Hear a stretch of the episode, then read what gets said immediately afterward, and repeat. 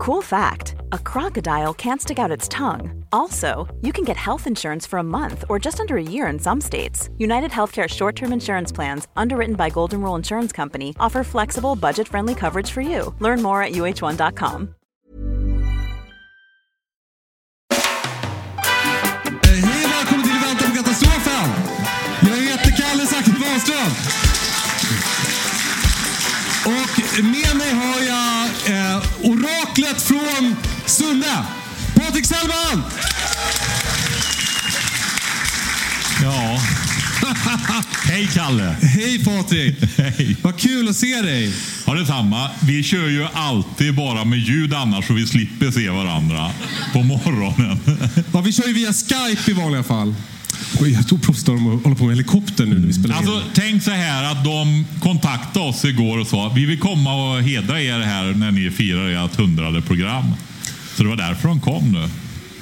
Men de var ja, om de inte skulle ha ett larm och de fick tydligen ett larm nu då. De gjorde den där klassiska. Oj, det är någon som ringer. eh, ja. Vi firar ju 100 avsnitt eh, med det här avsnittet idag med er. Och, och det är ju superkul. Alltså vi är så himla tacksamma för att ni är här och gör det här konstiga med oss. Eh, och det är så svårt att fatta när man gör en podcast. För Alltså det är så omäktigt. Man sitter liksom hemma med sin dator och så skypar man med sin kompis i, i Värmland. Och sen skickar man filen till en smed i, när, i Värmland och sen så, så vet man liksom inte vad som händer med det här riktigt sen. Jag, jag har nog aldrig lyssnat på podden själv. Eh, Men det är ju så kul att få se då att, att det faktiskt är människor som då, laddar hem podden och lyssnar på den. Hand upp om du har lyssnat på podden. det var alla, vad kul! Ja, du ska inte räcka upp Ja, just det. handen. Ja, jag ville visa hur man gjorde bara. Ja. men det, det, är så, det, är så, det är helt otroligt eh, faktiskt eh, rörande att ni tar den här tiden och kommer hit. Eh, om det är 100 avsnitt, hur länge har vi hållit på med podden då Patrik? Det är väl ungefär en timme varje avsnitt va? 100 timmar. Jag tänkte mer, liksom, hur, när började vi? Två år sedan eller? Ja, jag vet inte om det var i slutet på februari eller början på mars eller något sånt där. Så drygt två år har vi kört i alla fall. Coolt. Ja, det är det. Det är ju fint ju. Jag vet inte om ni kan historien om hur den här podden kom till. Och det var ju så här att Patrik och jag gjorde, jag gjorde ett tv-program som heter Hjälp, för köpt en bondgård som vi spelade in här borta på... Eh, jag bor precis bredvid faktiskt. Eh, och jag så skulle jag då ha bil så, så hittade jag Patrik på internet och så bjöd vi hem honom. Och så, så var du hos oss i, i ett par dagar. Eh, och team, TV-teamet blev ju... ehm, de blev ju liksom mer och mer... De tyckte att det allt var så härligt, men de insåg ju också att om vi har filmat i två hela dagar om bin, så det kommer ju inte bli två hela dagar i tv-programmet. Tänkte så här, hur fan ska vi lyckas klippa ner den här mannen till, till liksom fem minuter i tv? Men, men de gjorde ett hästjobb och gjorde det. Eh, och det visade sig då när vi och Patrik hängde de här två dagarna att vi hade mycket gemensamt. Eller det var kanske var så att du hade mycket som jag ville ha gemensamt med dig. Du kunde allt om att ha gård. Jag kunde ingenting om att ha gård. Du kunde allt om beredskap. Jag kunde nästan ingenting om beredskap. Men det där liksom, det fick mig att börja... Att du gav mig ditt telefonnummer. Och så började jag ringa dig när jag hade frågor. Som jag till exempel undrade så här, vilken potatissort ska man eh, satsa på? Vilken potatissort ska man satsa på? Snyggt. Det finns fler. Men den är Alltså, väldigt inte- bra. Eh, nej, men då, då pratar Patrik liksom i en och en halv timme om vilken potatissort man ska ha i telefon. Och det, och det var lite som när han stod och hade poddar utanför med ambulanssjukvårdaren. Att det känns för slösigt att allt det här ska slösas på bara en person. Alltså på mig i det fallet. Och så tänkte jag det här måste bli en podd. Och så startade vi podden. Och det är väl ganska mycket så att, att podden handlar om att jag undrar grejer eller ni undrar grejer och så svarar du på dem Patrik. Ja, så är det. Ja. Brukar du, eh, och, brukar du förbereda dig eller vet du alla de här sakerna under all hela tiden? Nej, vi... Eh, det, det går ju till så här att eh, ungefär 5-10 minuter efter att vi ska börja så skickar jag mejlen som har kommit in till Kalle. Och så plockar du ut lite där och ställer de frågorna. Du tar två minuter och planerar lite så kör vi. Mm. Och jag vill säga det också till er som är här idag, att det är ju, vi får ju väldigt mycket frågor till podden. Och det är ju superkul. Eh, alla kommer inte med, men ni som är här idag, ni har en jävla chans att få ställa en fråga till Patrik nu. Så, så börja fundera på det redan nu, så kan vi återkomma till det sen. Och, och om det inte kommer några frågor spontant så, så vore det sjukt sjukt schysst om ni kunde ställa några frågor ändå. Alltså så här, eh, liksom, hur man gör upp eld eller hur man ska bygga hönshus eller hur man anlägger en damm eller liksom. Eh, eh, vilket fordon som är bäst om, eh, om det är is eller ja, jag vet fan. Han, han vet ju allt. Nej, Vi, inte- vi har också tänkt ut en tävling här idag. Eh, och det är så här, eh, den som har åkt längst för att komma hit. Och då, jag vet att några kommer och kört från Göteborg. Är det någon som slår Göteborg? Det var någon som från Dalarna. Från Dalarna, ja kul. Är det längre eller kortare? Kortare, synd. Några från Sala var det också. Om, om du vet mer att du kommer långt bort ifrån. Alltså erkänn nu för att ni, de kan vinna någonting Kalle va? Eh, en Prepbox 48 antar jag. Är det okej Jens? Ja, snyggt. Tack. Ja, vi, var, vi var tvungna att fixa en kompis som kunde bestämma. Vad, ja, men det är, är det Göteborg som, som vinner eller? Hand upp ni från Göteborg. Yes! En applåd från, från Göteborg!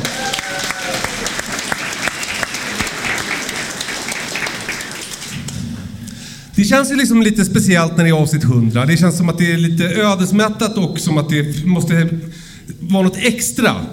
Ju. Mm. Får du skärpa dig Kalle. Eh, nej, men jag, jag tänker så här att... Eh, du skickade ett klipp till mig igår Patrik. Från Just det. Expressen TV. Ja. Det är, lite, tänker- det är lite dålig beredskap här och det har jag inte laddat ur än. Har du laddat ur? Nej. Ja, bra. Eh, men jag tänkte vi skulle lyssna på det klippet och så ska vi prata om det klippet. Eh, det här är alltså eh, publicerades igår på Expressens TV-kanal. Det, är- det är ju lite intressant också för vi har ju inte testat om det funkar. Inte tillräckligt förberett om kriget kommer. Den varningen kommer från landets 21 länsstyrelser. De anser att Sverige inte har mediciner, vårdmaterial och bränsle så att det räcker. Dessutom måste nödvändig information finnas på papper ifall el eller digitala uppkopplingar försvinner. Det är Ekot som har gjort en enkät med länsstyrelserna. I den så framgår det även att flera länsstyrelser flaggar för att vi måste öka beredskapen för ett eventuellt inträde i NATO. Sverige måste kunna stötta andra NATO-länder med mat, vatten, drivmedel och militära transporter. Sverige är inte tillräckligt förberett om Och, och precis, så där lät det då i Expressen TV. Sverige är inte tillräckligt förberett. Eh, och då tänkte jag så här Patrik. Eh, eh, det här är något som vi har pratat om nu i två år. Eh, och nu har vi ju samlat då över 100 personer som jag tror jag kan säga är ambassadörer för vårt budskap om att vi måste få bättre beredskap i Sverige. Ja, Så, så liksom hur, hur, jag tror de har varit det ganska länge många av dem Ja. faktiskt. Hur, hur, vad, vad, liksom, vad ska vi göra vi som bryr oss? Alltså, ja. Vi måste ju prata med andra. Därför att eh, jag tror jag ska klämma i med de där paradoxerna. Alltså. bra. Yes. Ja. Eh, den ena är, tror jag, är eh, anledningen till att det är så få som man kan tycka om man förstår hur allvarligt det är. Och det är att vi har aldrig Eh, vi upplever att vi har ett överflöd runt omkring oss hela tiden. Alltså jag brukar säga det, ta en kung från 15, 16, 17, början på 1800-talet och så går du till en vanlig ICA Supermarket och så säger du att pigorna och drängarna handlar här idag. Och så visar du vad de kan handla för en arbetstimme. Så är det ju totalt utflippat ur ett historiskt perspektiv. Men paradoxen är då samtidigt det här att vi har aldrig haft så lite mat i vår närhet utom svältår då. Va? När det inte har funnits någon mat. Och, eh, det blev så eh, tydligt när jag stod och hade en föreläsning för senioritorna i församlingshemmet i Sunne, hemma i kommunen. Då. Och det var, de yngre de var väl nypensionerade ungefär. Va? Eh, 80-90 kvinnor och det var ju många gamla småbrukarfruar bland annat. Så de visste ju precis vad jag pratade om. När det var kor på alla ställen, på slänterna upp och så vidare i skogskanterna och detta. Va? Det fanns föreningsmejerier, föreningsslakterier, kvarnar. Nu får du liksom åka till ett annat län och slakta ett djur va? om du behöver göra det. Så eh, de har ju sett förändringen. De har det som en egen upplevelse då. Du verkar tappa den yngre publiken nu Patrik. Ja, Kan du säga något om TikTok? det gick fort. Nej, men det är det. Men den andra viktiga grejen då, varför det är viktigt med ambassadörer. Det är ju det här att vi har ju liksom byggt ett samhälle nu under 80 år. Där vi liksom inte är lika beroende av varandra längre på gott och ont. Då. Utan vi har system egentligen. Och eh, Vi upplever att vi är så himla självständiga och att någon annan ordnar allting hela tiden. Det är liksom konsekvensen. Va? Alltså någon sorts inlärning då. Va? Men samtidigt så är det ju så om man tittar på människorna idag nu då så är de så himla specialiserade. Det som leder till hög produktivitet och högt välstånd att någon är specialist på den där hundradelen av ett litet programvara eller någonting sånt där. Va? Medan många inte ens har de allra mest basala kunskaperna för att klara sig i den här världen som de föddes till. Och kontentan av det då. Vi upplever att vi är så oberoende och självständiga. Men eftersom vi inte kan någonting så har vi aldrig varit så beroende av varandra som nu. Va? Och då är det anledningen till att vi måste hjälpas åt. Därför att det handlar så oerhört lite om att gå ner i källaren och sätta sig i ett hörn med vevradio och trangiakök och några konservburkar och en pannlampa och sådär. Va? Därför det håller inte särskilt länge. Utan vad vi behöver göra är ju faktiskt att ha en beredskap på hushållsnivå för att kunna hålla igång. Och då menar jag inte att det måste vara liksom offentlig verksamhet utan det kan vara en gammal tant i trappuppgången som passar barnen så du kan åka iväg och hämta soporna va? så att det funkar. Om det finns bränsle vill säga och sådana saker. Va? Eller att du eh, kan ta cykeln iväg till vårdcentralen och ta emot folk som är sjuka i alla fall som sjuksköterska eller läkare. Att någon ser till dina barn. Alltså vi behöver ha en beredskap på hushållsnivå så att vi orkar hålla igång samhället. Alltså i, i bredaste. Folk blandar ihop offentlig sektor och samhälle och stat och allt sånt där. Utan att det är ju bara vi här saker måste fungera. Någon måste laga elledningarna, någon måste köra soporna. Någon måste ta hand om folk som blir skadade och så vidare. Va? Så eh, det är det. Och då blir det väldigt allvarligt när vuxna människor inte är med på detta. Fast de som har fördärvat all beredskap i landet ber dem om det då. Va? Alltså staten. De har mycket nogsamt fördärvat allting. Under en lång Vad är det period. som har hänt då? Nej, Alltså, men vi har vi- pratat om vi- det här att de har eldat upp några masker och sånt där. Men vad, liksom, Ja, men alltså. Vi har ju kanske haft en av världshistoriens bästa beredskaper för drygt 30 år sedan. Eller upp till för En 30 applåd! år sedan. Ja. Men nu har vi ju i princip ingenting. Nej, men eh, man tänkte på detta och hade det som ett grundtänk att saker skulle fungera även när det var svårt helt enkelt. Och eh, man eh, planerade för avspärrning. Alltså att det som motsvarar, och då hade vi inte alls det globala systemet förut heller. Utan det har vi ju fått de sista 30 åren efter att vi tog bort beredskapen kan vi säga. Det är ju då det har blivit det här med de här logistikkedjorna. Ja, du så, jag skickade ju det när du var på semester och jag tyckte du såg lite väl avslappnad ut där. Ja, Och avslagen öl och nu får skärpa upp sig tänkte du. Ja, då, då skickar jag en webbsida där man ser, ni vet det här appen med alla flygplan över Europa och sånt där och man undrar hur kan de flyga utan att flyga på varandra. och skickar du den på fartyg och så tittar du runt Kina och där borta där det håller på att hetta till också så ja. Där ser du transportsystemen som håller igång världen och förser 8 miljarder människor med allt möjligt från energi till reservdelar till färdiga grejer. Då. Så fungerar inte det så Innan så hade staten avtal med 30 000 företag Ja, om att ha stora lager. Det är ju så mäktigt. Ja. Så att vi Men- skulle klara ett par års i alla fall avspärrning. Och bergrum med olja och mat. Och bönderna skulle ha stora silosar med spannmål. Och... Men det är ju lätt nu att vi blir två liksom, gråa gubbar som står här och säger att det var bättre Mm. förr. Eh, Och det vill vi gärna undvika, tycker jag. Men, men liksom hur... Vi Ja, men det, här, det, det var bättre förr. För nu finns det ju ingenting. Alltså nivån nu, det, det blir lite så här irriterad. Eh, när man från eh, medier, nyheter eller myndigheter och så vidare. Ja, men nu har vi börjat bygga upp ett civilt försvar sedan några år tillbaka. Ja, man tog beslut sedan några år tillbaka. Och visst, jag pratar ju med folk och man märker att det börjar hända. Men det är ju på mikronivå höll jag på att säga. va.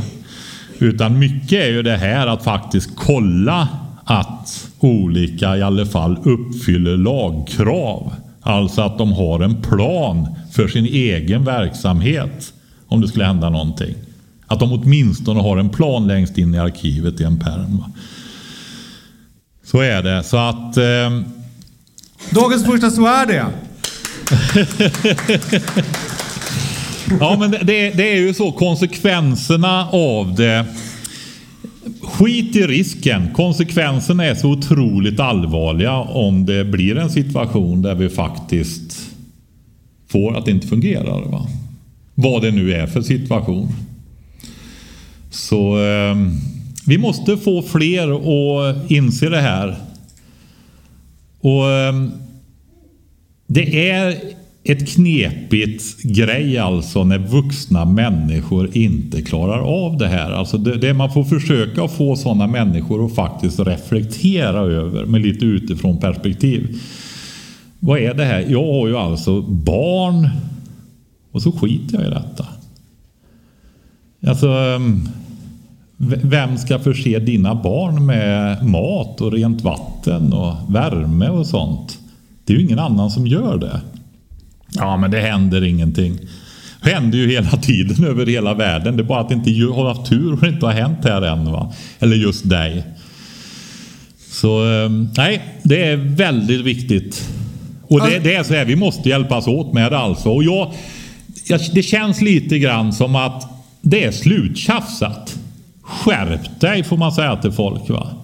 Du är ju pinsam. Du står där som familjefar och bryr dig inte om vad dina barn har för beredskap. Det finns ju ingen annan som har det åt dig. Ta tag i hjärtat och så krama så här riktigt. Ja, det blir lite... Börjar tänka Ja, på nu min får du egen komma igång beredskap igen här. Kalle. Ihop sig. Ja. Eh, men men eh, tror du att liksom eh, det här... För det känns svårt att vi ska på något sätt stoppa globaliseringen, tycker jag. Nej, men alltså det är ju så här. Ska vi ha någon beredskap så det inte går fullständigt åt skogen och blir oerhört brutalt om det blir illa. Ja, men då är det vi som måste göra det. Och det är vi som kan göra det snabbast. Hur lång tid tog ni, tog ni det, tro, tror ni det tog att bygga upp det här gamla civilförsvaret? Jag skulle nog säga decennier.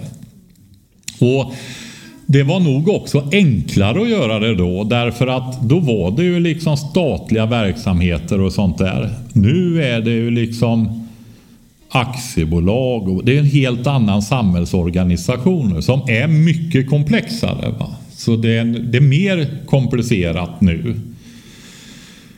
Ehm, ja, som nog kan till stora delar vara en välfärd, ett välståndsgrej då. Va? Men det är också med den här globaliseringen, specialiseringen och det här så får vi också en sårbarhet då. Va? Det är eh, dålig balans där. Va? Det är det. Och eh, det är vi som får göra det. Vi får växa upp, ta ansvar och eh, agera på ett vuxet sätt och se till att det fungerar. Och eh, man får ju börja med att sätta på sig masken först. va? Som i, i flygplanen, ni vet syrgasmasken där. Att man får ju se till att man kan klara sig själv så att man kan hjälpa andra. Men det är också det här att man måste organisera sig och börja tänka i de här banorna för att det knakar ju i fogarna. Va? Det gör ju det. Och... Ehm, vad hette det här som Uppdrag granskning hade gjort nu? Skuggkriget. Skuggkriget ja. Alltså det är igång på bred front överallt och det förbereds alltså. Det är inte så att det är uttalat och det kanske inte händer någonting men det sker förberedelser alltså för att skada oss. För därför är infrastruktur och så vidare och det har det gjort länge. Det är bara att nu går man ut och oroar folk då och talar om det. Va? Det är ju ingen superöverraskning det här. Men det lät ju så i Uppdrag granskning då. Och i NRK, och i DK och i YLE samtidigt. En gemensam aktion för att gå ut och ruska lite i folk att nu får vi nog skärpa oss lite. Va? Ja, du tror att det var koordinerat? Alltså det är ju lite för välorganiserat för att inte Alltså, och, och, grejen är ju så här som jag sa, jag vet, sa jag det i podden eller ja, jag sagt det till dig? Jag vet ju inte vad jag säger grejer. Det kan ju bli lite tjötigt och gaggigt då, men det får ni ta. Jag tycker att det är mysigt. Ja, att prata med för många människor. Ja, det är underbart. Ja, nej men eh, man kan ju inte gå ut med information hur som helst heller om vad vi vet. Därför att det är ju en styrka att inte eventuell aktör som vill skada oss vet vad vi vet. Just det. det är också värdefullt. Va? Och eh, om då statsmedier går ut med det här så går de nog inte ut med vad som helst. Utan då är det nog, annars kan de ju skada. Så är det. Mm. Men jag vet inte hur det är. Det verkar vara lite oorganiserat ibland hit och dit nu för tiden. Om vi tänker nu då, jag hoppas det är så att det är i alla fall någon tanke. Om, om vi tänker nu då att alla vi här inne ska, ska liksom hjälpa till att öka beredskapen i, i samhället. Mm. Vad, vad tycker du vi ska göra? Ska vi liksom eh, engagera oss i några organisationer? Ska vi prata med våra grannar? Ska vi köpa fler dunkar? Eller vad, liksom, vad är planen? Vad ska vi ha för plan? Alltså eh, nivå nummer ett är ju faktiskt att se till att man kan få hålla sitt eget hushåll så att det kan fortsätta att fungera helt enkelt. Och det innebär ju då alltså egentligen att man kan fortsätta att lösa sina uppgifter om det är riktigt. Och mm, har du egentligen inga uppgifter, ja men då kan du ju se till att du kan hålla igång dig själv så att du kan hjälpa dina grannar, passa barn. Ja, men vad som behövs alltså. Hjälpa äldre som behöver hjälp, som kanske inte får hjälp. Det är vad som helst egentligen. Men basen är ju att vi kan fortsätta, att vi kan eh, ja, ha mat, vatten, eh, dräglig situation i en bostad. Alltså någon form av skydd för att upprätthålla kroppstemperaturen. Jag tänkte nästan att vi får ha beredskap. Ser ni liksom att den bredvid inte är kontaktbar längre så får ni krama dem då för det kan vara allmän nedkylning. Du har, du har en väldigt kall lokal, Kalle. Ja, tack. jag har mössan på. Ja, ja. ja, det, var, det var den kallaste jag kunde hitta faktiskt. Ja, vad bra. Ja. Så det inte blir överhettat. Eh, men sen är det ju alltihopa skulle jag vilja säga. Alltså att man eh, utifrån sin förmåga Alltså eh, många har väldigt hektiska liv men att man i alla fall börjar tänka i det här och vara medveten. Man kan utbilda sig, man kan gå med i föreningar, organisationer, frivilliga, Röda Korset. Eh, och man kan eh, försöka organisera sig på olika sätt också och samarbeta och planera tillsammans. Och, eh, men det, det handlar ju ofta för att kunna göra det så måste du få med dig folk också. Det tror jag ni Många av er har säkert provat och det är inte så lätt. va? Jag har funderat så mycket. Vad kan det vara som har selekterat fram att så stor del av mänskligheten stoppar huvudet under armen så länge det går? Till det absolut inte längre går, då tar man fram det. När inte det kommer rent vatten i kranen längre, då agerar man. Det, det kan, hur kan det ha varit en framgångsfaktor? Men kan det vara så alltså, att det varit framgångsrikt att sitta ner i båten lite? Alltså att man bara fogat sig. Ja, men det har ju varit besvärligt förut. Åkt med bara. Någon annan har sagt åt dig vad du ska göra. Nej, jag vet inte. Nej. Nej, jag har inte förstått det heller. Men eh, jag såg det i alla fall. Men någonstans också så är det viktigt det där. För jag vet att nu vet jag inte vad de senaste siffrorna är, men eh, efter Ukraina och efter pandemin och så vidare så var det väl 30, lite drygt en tredjedel som ansåg sig ha en vecka. Men vi har ju någon med oss här från MSB då. Mm. Stämmer det? 30 procent ungefär? Lite mer. Lite mer? Ja, bra. En applåd. Kommer du ihåg i huvudet hur mycket det är då? Är det 40-45 nu eller? Ja. Knappt hälften. Mm, bra. Alltså, eh, kan man säga att det blivit 100 avsnitt bättre eller? det är, eh, apropå det där med liksom att, att veta vad man har för beredskap hemma. Ja. Det, det tycker jag kan vara lite svårt att fatta vad liksom... Vi har ju den där hemskt vis som vi går igenom och, och man pratar om så här. Du måste ha koll på eh, kommunikation och transport. Och, men, men det är ju inte först i skarpt läge som man på riktigt kan fatta, fall jag kan fatta så här vad som saknas i min beredskap. Som till exempel häromdagen, och vi har varit inne på det här tidigare då, pratat om att öva grejer. Du har pratat om brandövningar till, till exempel. Det har jag inte gjort än. Nej. Förlåt? Ja, det vet jag inte faktiskt. Eh, eh, Men däremot så var vi utan vatten i 36 timmar i veckan nu. Ja. Eh, Och då, det var ju väldigt spännande. Essa sa att det, att det kändes som att det var krig då. Lite. Att det var så spännande liksom. Att det var hon och jag. Det var sent på kvällen också. Och sen var vi tvungna att dricka ur en dunk. Det tyckte hon var spännande.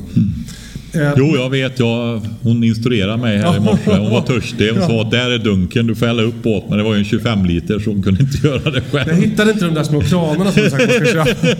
Jag smsade Britta, hon är bortrest. Jag smsade henne. Var är kranarna? Hon visste inte heller. Så vi måste köpa fler sådana, Ja, kom jag på. minst tre. Ja, jag jag tror att det är fem i vårt hushåll för att vi tappar bort grejer hela tiden.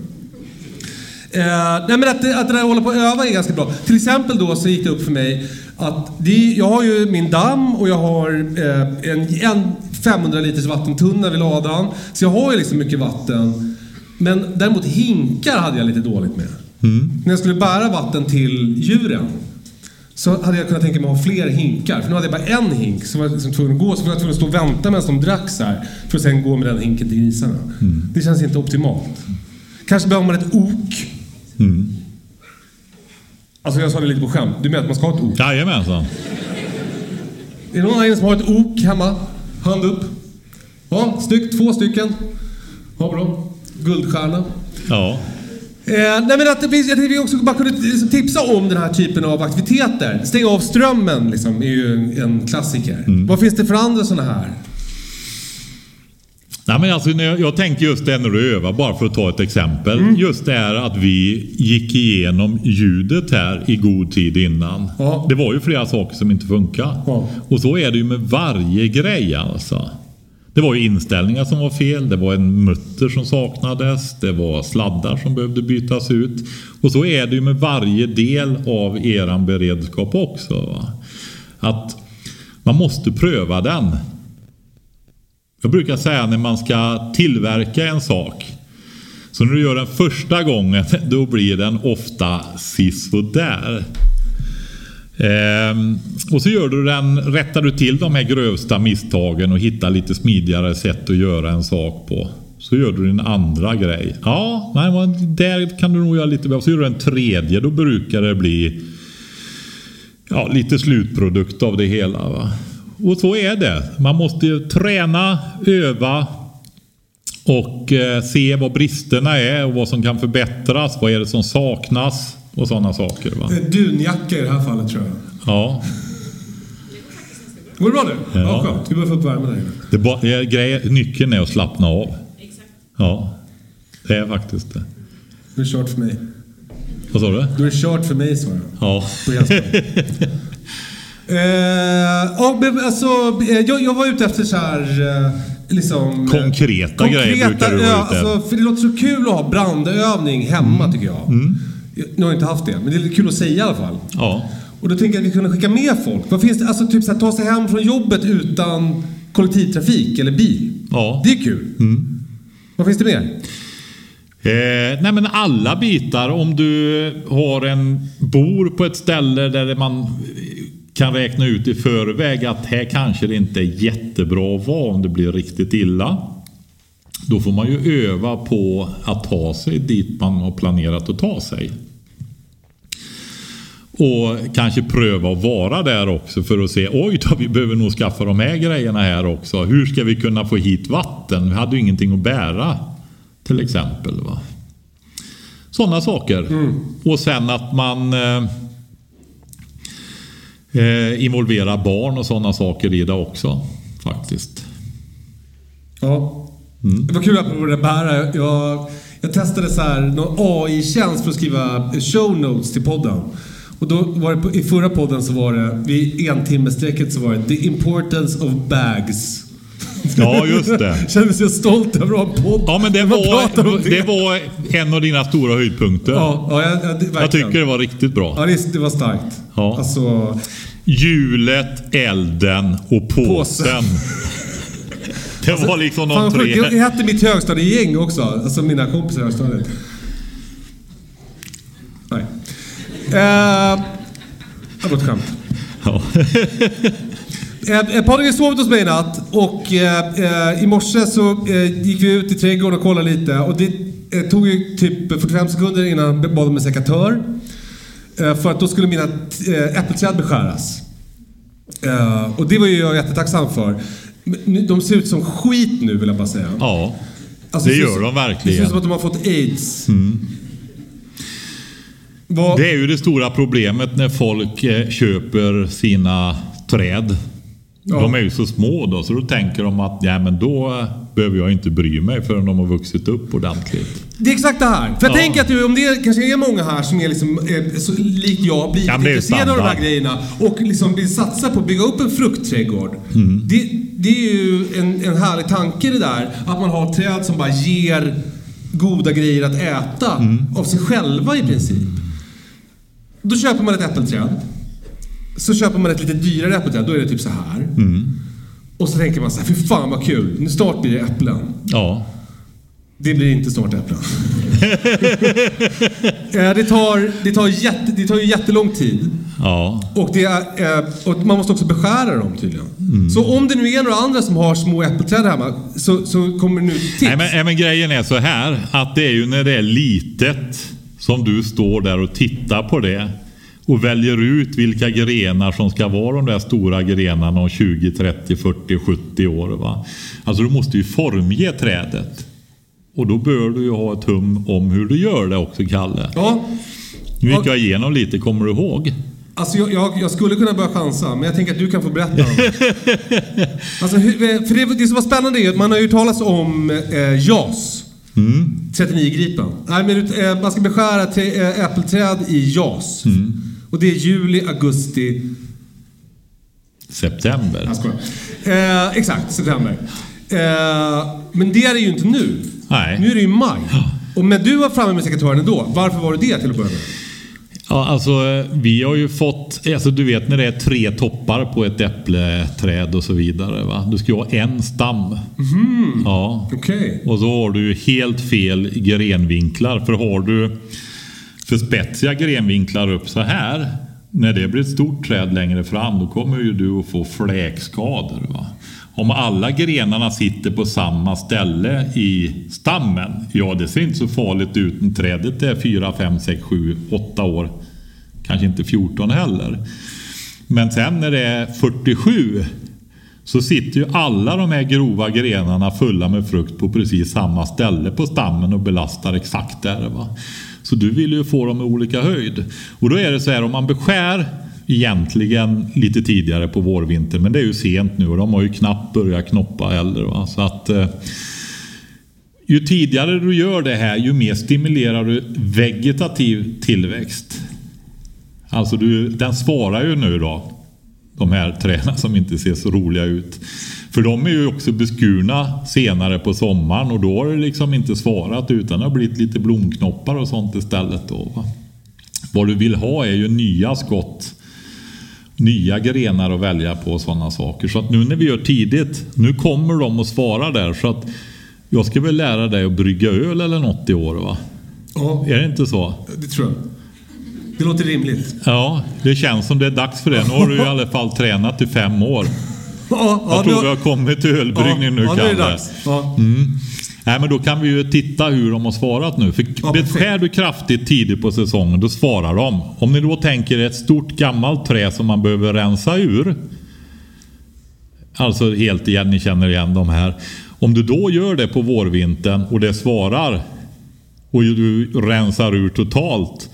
Ja, det får ju panik och tror att det ska dö det här trädet. Så det bara sprutar ut så kallade vattenskott och sånt. Exakt! Det är det som händer. Och så då tänker man så här, fan ska jag behöva göra det här varje år? Ja. Alltså det känns ju helt orimligt. Ja, nej men då gör man så här istället att då beskär man i JAS. Det är väldigt bra med de träden i JAS då juli, augusti, september och att man tar det bitvis. Är det väldigt gamla eh, träd som man behöver ha mycket att göra med. Man kanske ska göra en tioårsplan. Och är det lite mindre komplicerat, ja då kanske man gör en femårsplan i alla fall så man inte stressar trädet och satsar på överlevnad. Va? Okej, så du, du beskär i JAS men du jobbar lite åt gången så att du inte ska bli stressad? Ja, om det är sådana gamla förvuxna träd, då har du 70, ja men då sköter du lite grann successivt där, föryngrar och sådana Ja. saker. Behöver inte gå in på de detaljerna. Men det viktiga är när man har unga träd att man faktiskt formger det från början och vet man inte, ja men då går man en kurs. Hos dig eller? Ja, det kan, jag har med tillverkning ja. Jag går ju igenom träduppbyggnad. Men och- kan du inte säga, för det var så spännande. Du, börja nerifrån. Va- Vad ska första grenarna vara? Hur högt upp? Alltså du kan ju göra, bygga upp olika träd, men det jag brukar lära ut som också är lätt att ta till sig och som är bland det vanligare idag. Det är ju helt enkelt att du har en stam hela vägen. Många- Klassiker i trädsammanhang. Ja, förr var det väldigt vanligt att man hade låga stammar och gick ut med grenarna på olika sätt. Eller höga och parasoller och alla möjliga grejer. Men nu jobbar man med en central stam. Ja. Och så jobbar du med grenvarv. Och då har du ett grenvarv, kanske en meter upp, Ja. med tre, fyra grenar som går åt olika håll givetvis. Och sen vill du ha dem lite förskjutna i höjdled. Och sen vill du ju då ha grenvinklar som är inte för spetsiga alltså. Detta är en spetsig. Och detta är stammen. Tänk vad bra nu. nu. Men de som lyssnar på podden ser ju inte det här Kalle. Nu får du beskriva. Eh, Patrik håller... eh, han gör som att han ska göra Macarena-dansen jag, jag tror jag har gjort själv, Kalle. Eh, nej, men 45 graders vinkel ifrån eh, stammen. Ja. Och, eller mer. Men det kan man också tänka på Alltså speciellt. mer, mer utåt. Ja, precis. Eh, och det märker man om man tittar på ett träd ganska fort så ser man det att de som står upp mer, de är ofta grövre. Och ibland sticker de upp lika högt som... ja, Ja.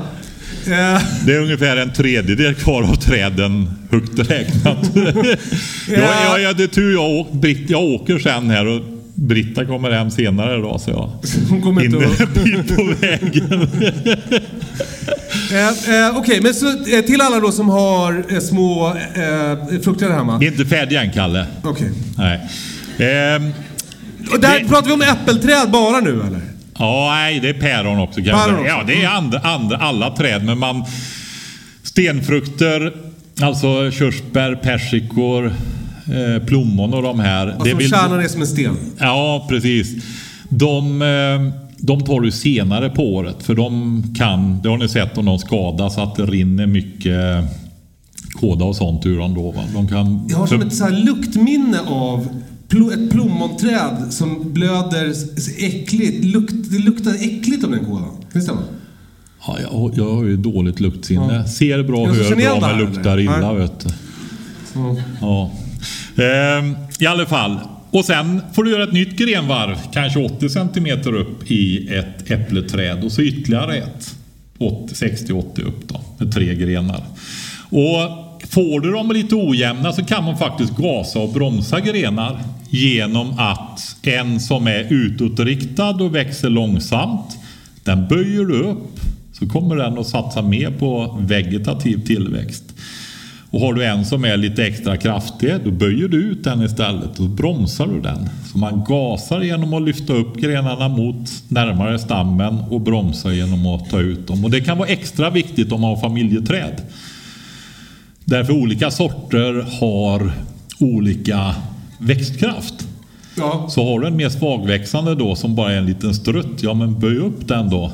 Är familjeträd där man har flera olika Ja sorter på precis, samma? du kan ha tre, fyra olika sorter. Du kan ha ännu fler. Just det. Eh, Okej, så, då, så där gör man. Mm. Eh, och sen var det någonting att man skulle klippa av vid knoppar också. Mm, grenkropp. Ja, ja, ja, det är just det. Ehm, nej, men om du vill ha en mer utåtriktad gren. Ja. Det är ju så här att eh, har du eh, oväckta knoppar så kan ju du om du klipper av så kan ju det bli en gren istället som växer ut där istället för någonting annat. De, de är lite att trädet kan välja. Ja. Och eh, har du då en gren som går lite brant uppåt men du vill få den mer utåt. Ja men klipp av strax ovanför en knopp som är på utsidan utåtriktad. För då kommer ju grenen att gå mer utåt rörelse. Men sen när du klipper av en hel gren, det var det jag trodde du skulle fråga Ja. om där. Då har du en grenkrage Ja, där det sitter i stammen. just det. När du väljer bort grenar. Och eh, den där Alltså, som en liten gren... förhud kan man säga. Ja, ungefär så. Ja.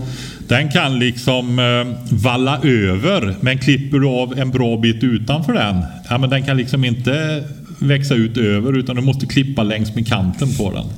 Men du vill inte skada den heller. Nej, det vill man verkligen inte. Du har väldigt livlig fantasi. Ja, jag vet. Jag vet, Ja. jag. Ja. Eh, just det, men då, då klipper man sådana här som Man ska ha en bra sekatör sa du också, för Ja. min var skit. ja, Ja. verkligen. Eh, Du, jag lovar att du kan säga ett märke man ska ha. Det är så befriande när man är på Sveriges Television och får säga märken. Alltså jag kör med Felco. Felco. Ja, och ska man hålla på med träd så skaffa en riktig sekatör. Det är verkligen det första man, man måste ha det. Och sköter man den, lär sig slipa den och så vidare. Och det är inte svårt heller. Så, så har du i princip en sekatör nästan hela livet på hobbynivå alltså. Så är det. Vad kännetecknar en bra sekatör? Ja, att det är bra stål. Ja. Att det är ett bra anhåll, att det är hållbara handtag, bra grepp. Felco har många olika. När jag har mina trätillverkningskurser så har jag skaffat många olika modeller så folk kan prova med sina olika händer. Då. Så det kan man ju gå till en affär och prova. Men det är också det här att den liksom verkligen går att ställa in och att den håller skären så de inte böjs isär. Ja, det som Som en del gör. ja, ja. Oj då, fem millimeter emellan skären och är väl att det mothållet. vek sig liksom. Ja, precis. Att det är stabila, rejäla, bra. Ja, ja. Ja, är, man får lite vad man betalar för som vanligt. Ja. Så är det. Men det är ingen speciell modell av Felco som du rekommenderar? Nej, utan jag tror inte de har någon lågpris. De vill nog inte förknippas med det tror jag. Nej. Utan det är bra grejer. Sen är det bara frågan om vad som passar till dina händer. Ja. Och lite grann vad du ska ha den till också. För det finns ju till druvor och snittblommor. Och att du tar den lite kraftigare då till träd och buskar. Vad, vadå druvor?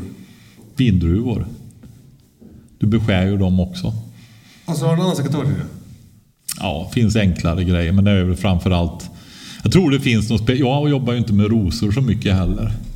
Men det, nej, det går med en vanlig sån stabil Ja. bär och äppelsekatör också. Eller trädsekatör. Min stora utmaning är att gömma den för Britta bara. Så att hon inte tar den och lägger den någonstans där hon inte hittar den. Kommer du ihåg var du la den då? Eh, Den som vi hade idag. Det var du som la den. Ja, nej men om du gömmer den för Britta Ja, menar ja, ja, jag. att jag måste komma ihåg var jag lägger den. Ja. Jag kan säga det i podden så kan jag ju gå tillbaka och lyssna. Ja. Har du så att du har en sekatör som bara är din? Nej. Nej. Jag har ju, i och med att jag har kursverksamhet så kan jag ju ha ganska mycket redskap då. Ja.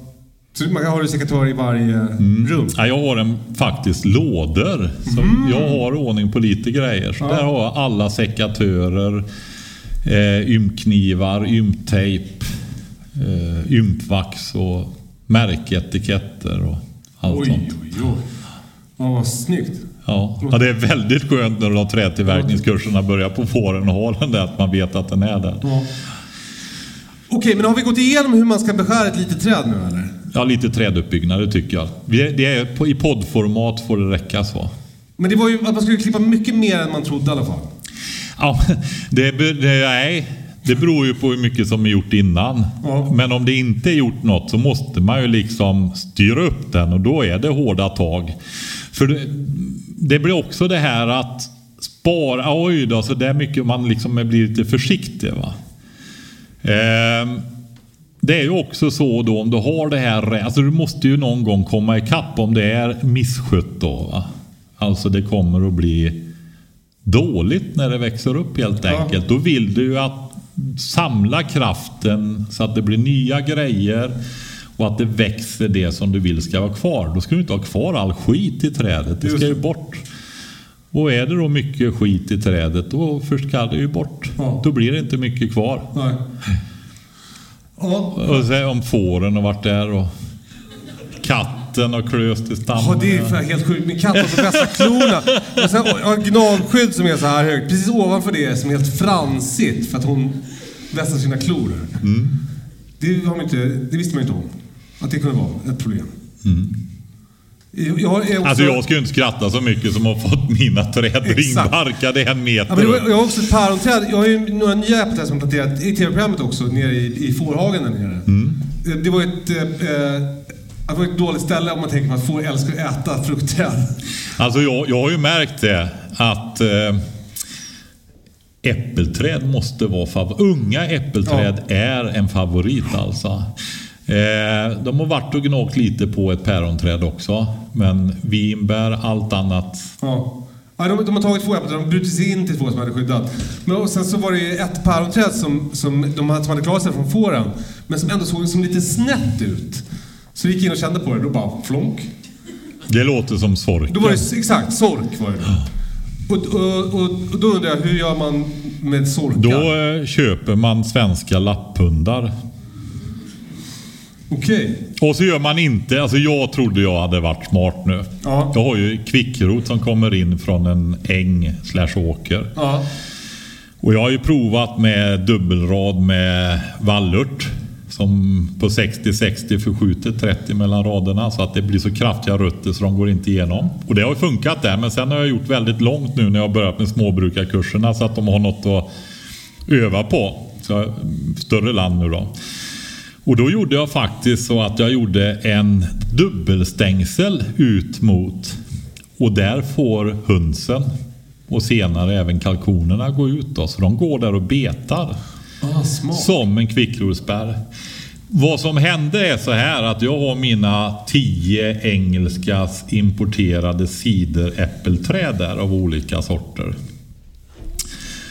Ehm, och där, de står ju precis vid ytterstängslet.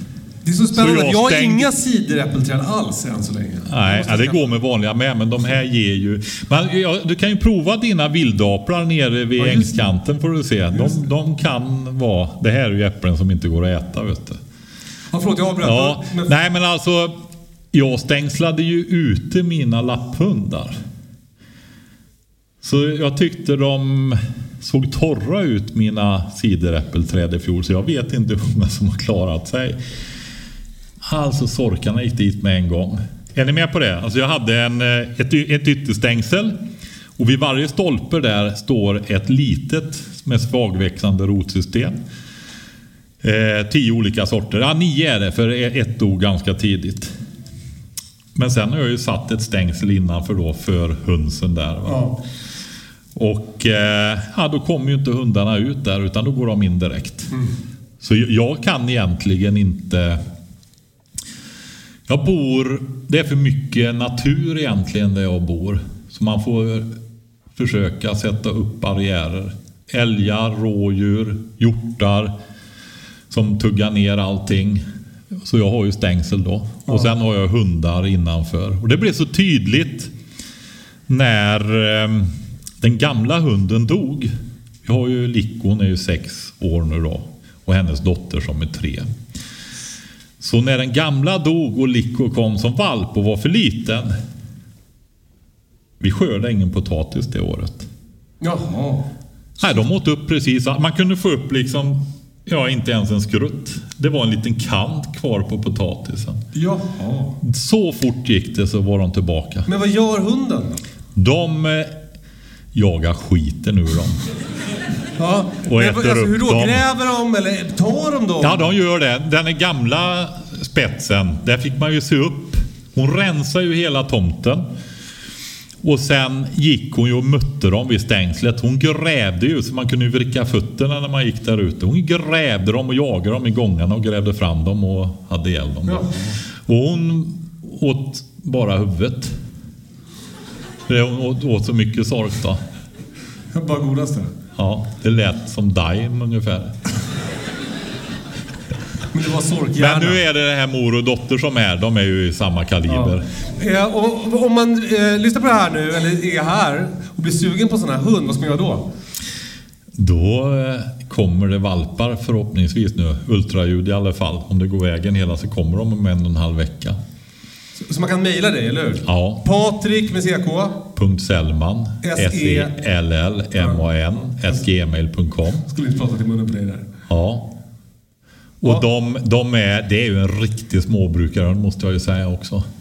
Alltså hundvärldens Dacia Duster. Ja. Det är verkligen det. Nej, men du kan ha dem nästan till vad du vill tror jag. Verkligen. Alltså utan att det är ju, det är ju vallhundsintelligens på dem. Alltså du kan verkligen lära dem vad... Och ehm, det är så härligt. Vi har ju dem inne på nätterna då. Så vi måste låsa in fåglarna på nätterna. Men när vi släpper ut dem Speciellt dottern är hon som är tre. Hon är lite mer ännu mer brukshund. Va? Så det är verkligen seriöst när hon kommer ut med alla uppgifter som man har som gårdshund. Va? Så hon går ut och är det några fåglar eller någonting, va? då är det riktigt jagar dem och skäller iväg dem. Va? De ser ju lite... Alltså, jag Säg, inte säga fjantiga, men de, de ser ju som lite... De ser inte så farliga ut. De ser som lite... ja, ja, ja. Men kom och gå utanför stängslet. Ja, det är det jag menar. Alltså de är som en ulv i fårakläder lite. Ja, alltså, ja men det är de verkligen. Ja. Alltså, det är väldigt kärvänliga hundar. Ja. Ja. det är ju samernas gamla hund. Den svenska lapphunden. Det är vår nationalras förresten.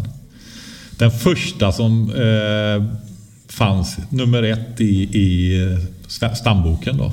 Är det. Och eh, du kan ju tänka dig där uppe med de här allra minsta marginalerna. Alltså då pratar vi genom årtusendena. Va? Och de var ju jägare och samlare fram till bara några... Det var ju först på 1600-1800-talet de blev renskötare. Så den här hunden har ju varit med där.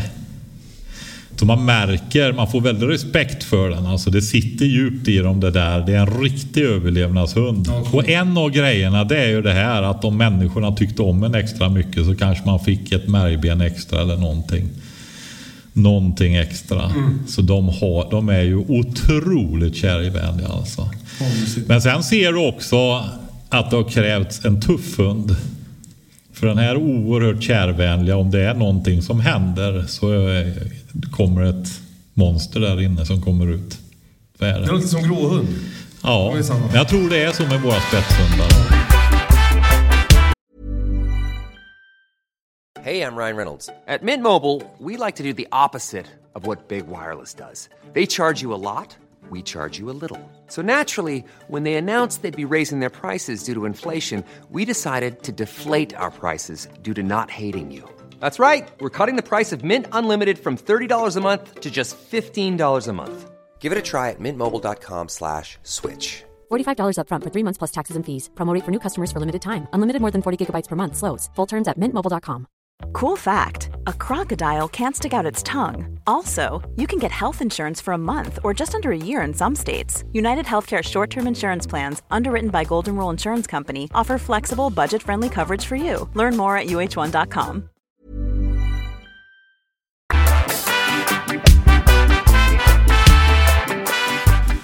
Ja, men vi, vi smyger igång. Alltså jag är, jag, jag är ett vrak på grund av det här med tiden. Ni har fattat det? Jag sa tre timmar, jag fattar inte hur länge vi ska kunna prata. Alltså, men vi, vi håller på bara. Ni får säga stopp. Eller Kalle, om de går så är... Då får vi sluta prata. Ja, jag tror det. Ja, eh, ja, vår podd bygger mycket på att vi svarar ju, eller Patrik svarar mycket på lyssnarfrågor. Så, så det vore kul om det var någon här som hade en fråga som vi kunde få svara på. Eh, Och, och det kommer vara lite man så här... Det kommer vara, resa sig upp inför alla och gå fram till mikrofonen och bli inspelad och sen ut över hela världen i mitt förslag då, det är, det är ju folks största skräck att prata inför folk. Det är ju värre än, än liksom att någon familjemedlem dör. Typ. Det är Ja. liksom det läskigaste folk vet. Eh, men du sa, idag så körde ju Essa, krockade ju lite med, vår, med sin fyrhjuling på gården. Då sa ju du till henne att hon skulle ta rädslan. Och för hon sa, jag kommer aldrig mer köra fyrhjuling. Då sa du, ta rädslan och smocka till den. Det funkade på henne. Hon körde Mm. Ja. fyrhjuling sen. Så jag tänkte du kan säga det, säg det peptalket till dem nu också. Ja, Tänk så här, de är det rädda är för att så nämligen då att om man... Eh, man odlar ju saker hela tiden. Och ger man vika för rädslor, då odlar man de rädslorna. Eller odlar... Att ge vika för rädslan är ju faktiskt feghet. Man odlar fegheten. Och tvärtom, om du beseglar, besegrar rädslan, då odlar du ju modet. Va? Då växer modet. Man kan säga det som att eh, rädslan är som en tjuv på en tomat som du bryter av. Och då växer Ja. modet istället. Precis. Nej men som Essa där, de blev ju väldigt rädda. Jag berättade ju för dem också om det här när man, som en klassiker, som de som har varit på ridskolor när de var små och så vidare känner till att när man trillar av hästen så gäller det att hoppa upp på hästen. Och det är också att nita rädslan då så att inte den får ta över handen då helt enkelt. Så fram och prata i micken nu! Är det någon som har en fråga? Ja, kul! Ja, du sitter där.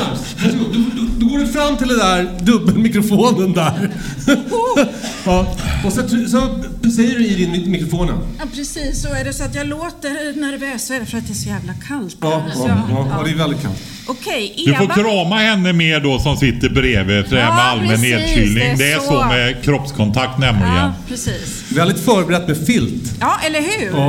Och stjärtvärmare sådär. Oj, oj, oj, Ja, det är bra. Ja. Eh, Eva heter jag. Hej Eva. Hej, kul att träffa er. Fantastiskt att vara här.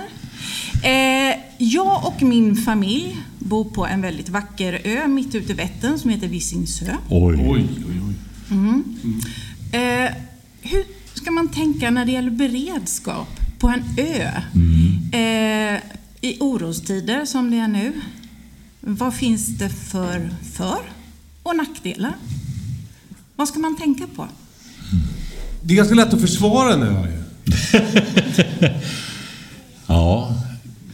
Visingsö är det ju färgat till vad jag kommer ihåg va? Stämmer. Det är det. Ja. Vi har ju pratat, det var ju en man en gång som... Det som blir har- ju väldigt mycket självförsörjning håller jag på att säga att man måste tänka ut i förväg. Men å andra sidan så generellt sett så är ju öbor tillhör ju den kategorin som om man generaliserar tror jag har är vana. Landsbygden generellt har ju lite vanare vid strömavbrott. Vägar som inte är plogade ordentligt och så vidare. Va? Fallna träd och sådär. Och öbor är nog ännu mer snäppet. Har ni bott där länge eller? Vi har bott här i två omgångar, men ungefär totalt fem år. Ja. Ja.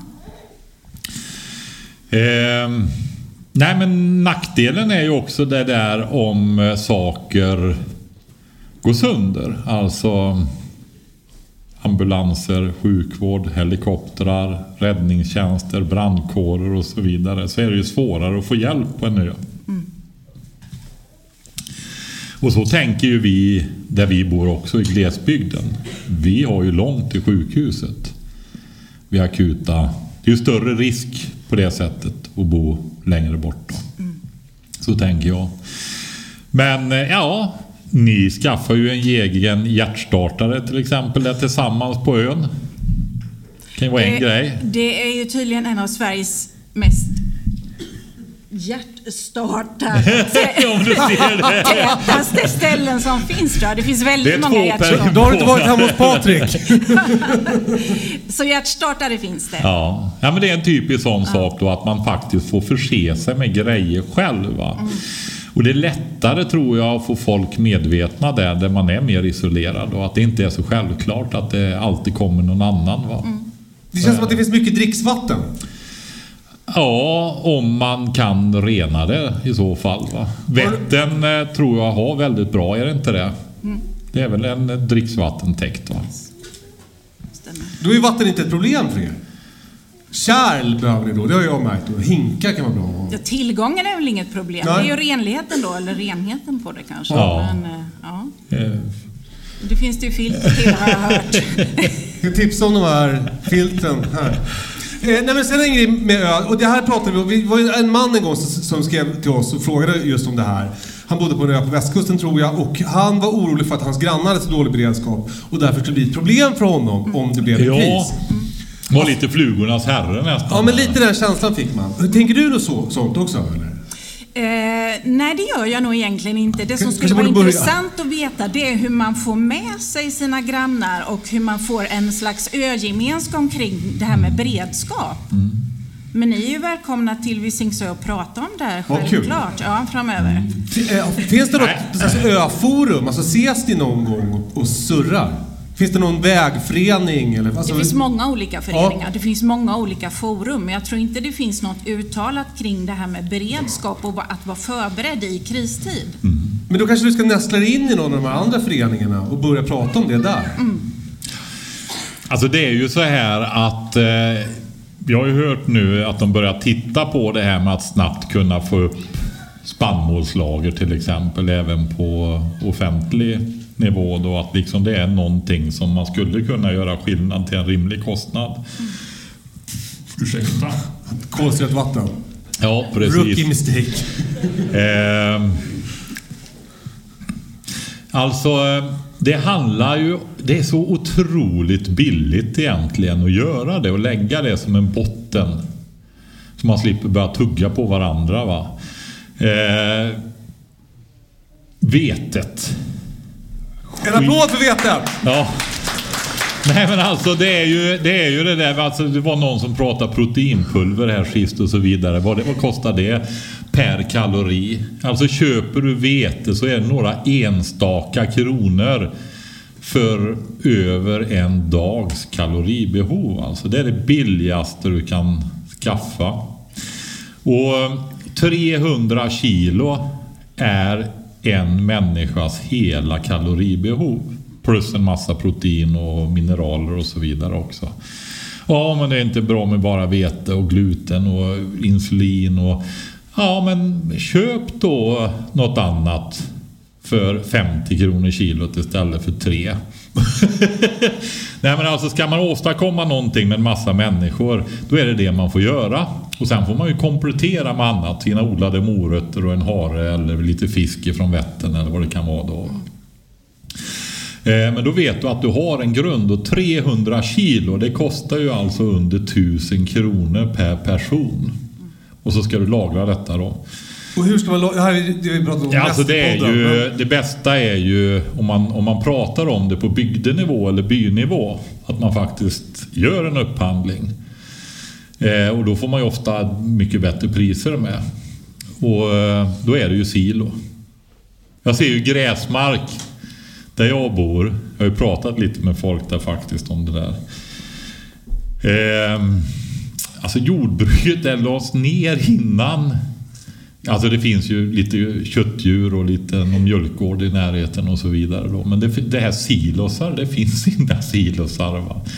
Och då får man, om man behöver köpa silosar och inte kan få billiga lösningar, då drar det ju iväg lite grann. Men det är ju fortfarande...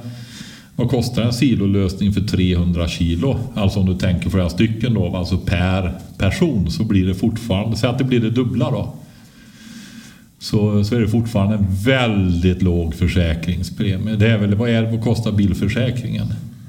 Ingen aning. Det Britta Ja men betalar 6 räkningen. 000 kanske på landsbygden för en vanlig bil. Det skulle kunna vara vad som helst. Ja. Nej. Nej men typ. Ja men då är du nere i en tredjedel av bilförsäkringen för att ha en riktigt rejäl antisvältförsäkring. Och så kan man tänka sig att man omsätter den med dem. Alla som har höns och andra fåglar och så vidare köper utav de här silosarna så fyller man på efterhand. Va? Så man tar allt underifrån och fyller på uppifrån så man tar det äldsta. Och får omsättning på det på det viset då. Jag, jag har en silofråga, jag smita emellan med den? Känns det okej för dig? Eh, för jag har ju, inte för att skryta, men jag har en silo. Ja, du har ju Ja, Jag vet. har ingen silo, Kalle. Nej, det nej, har du. Ja, det är jävligt, det är en underbar känsla. Nils, du har la silo. Jo. Två kilo. Jag hade ju inte tre i alla fall.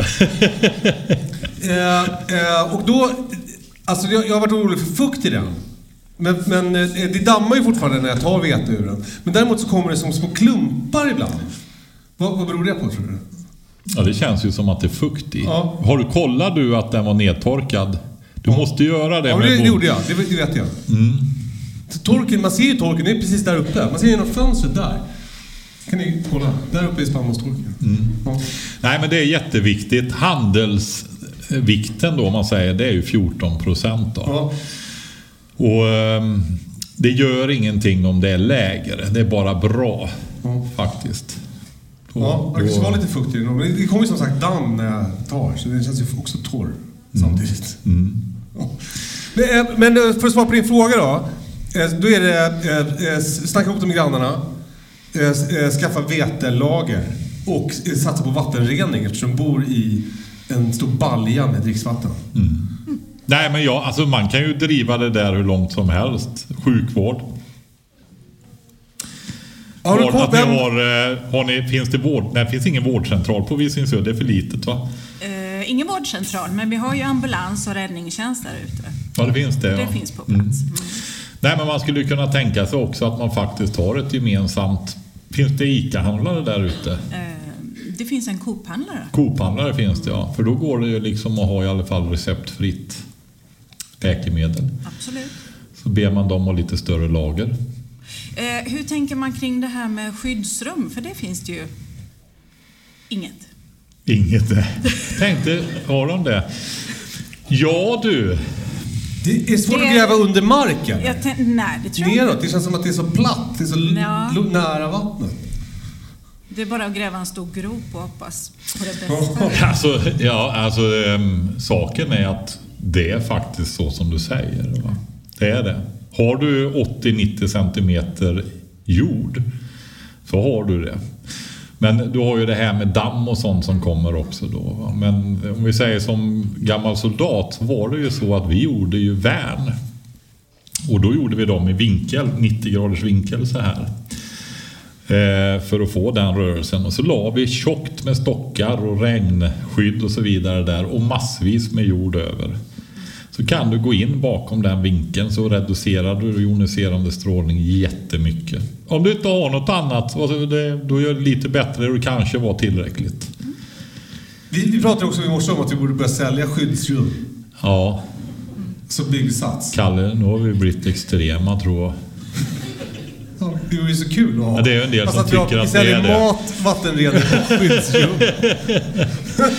Ja, nej men vi kanske har en bra lösning på gång. Ja. Kombinerad Ja, vi, vi återkommer. Det låter bra. Ja, Tack så mycket och välkomna till tack. Visingsö. Ja, kul. Ja, tack. Vad modigt med fråga. Verk, alltså vad modigt ställt. Eh, vi hade en, där har vi en fråga också. Kul! Hej och tack för podden. Hej, tack. Vad heter du? Eh, Jag heter Hjalmar och är ofrivillig stadsråtta eh, från Stockholm då, eh, på Södermalm. Och, ja, men jag tar studenten nu i juni och har, ja, men tack. Jag har som stor dröm att liksom få bygga upp ett småbruk och sitta på kvällarna och kolla på billigaste tomterna på Hemnet och så här i, på olika delar i Sverige. Och, och tänker Ja, nu lär det väl ta i alla fall ett par år innan jag, innan jag kommer köpa min tomt eller ruttna gård som jag restaurerar. Men, men alltså, du som har gjort exakt den, ehm, ja, men köpt en, eh, byggt upp ett helt småbruk från grunden. Ehm, jag har gått en så här sommarkurs i timring för att ja, men kanske timra ett hus. Då. Och, och liksom, det måste inte vara specifika frågor, men i liksom stora drag, vad, om du fick göra om det, vad, vad skulle, vad har du för tips om man börjar från noll att bygga upp liksom ett, ett småbruk? Och du också som ju också har byggt Man upp ska skaffa ett ett gård. tv-program. Ja, Man får jättemycket svinbra program för övrigt. Ja, det är ett tips. Skaffa det. Eh, eh, Alltså jag vill börja med att säga, fan vad mäktigt att du kom på det här nu. Alltså för när jag var likadan som du, då, då trodde jag att, att man var tvungen att gå- jättemycket på krogen och festa i massa år innan man började med det här. Men det är ju grattis. Ja, nej, Ja. tack. Eh, eh, Men eh, Patrik, om man ska börja från noll.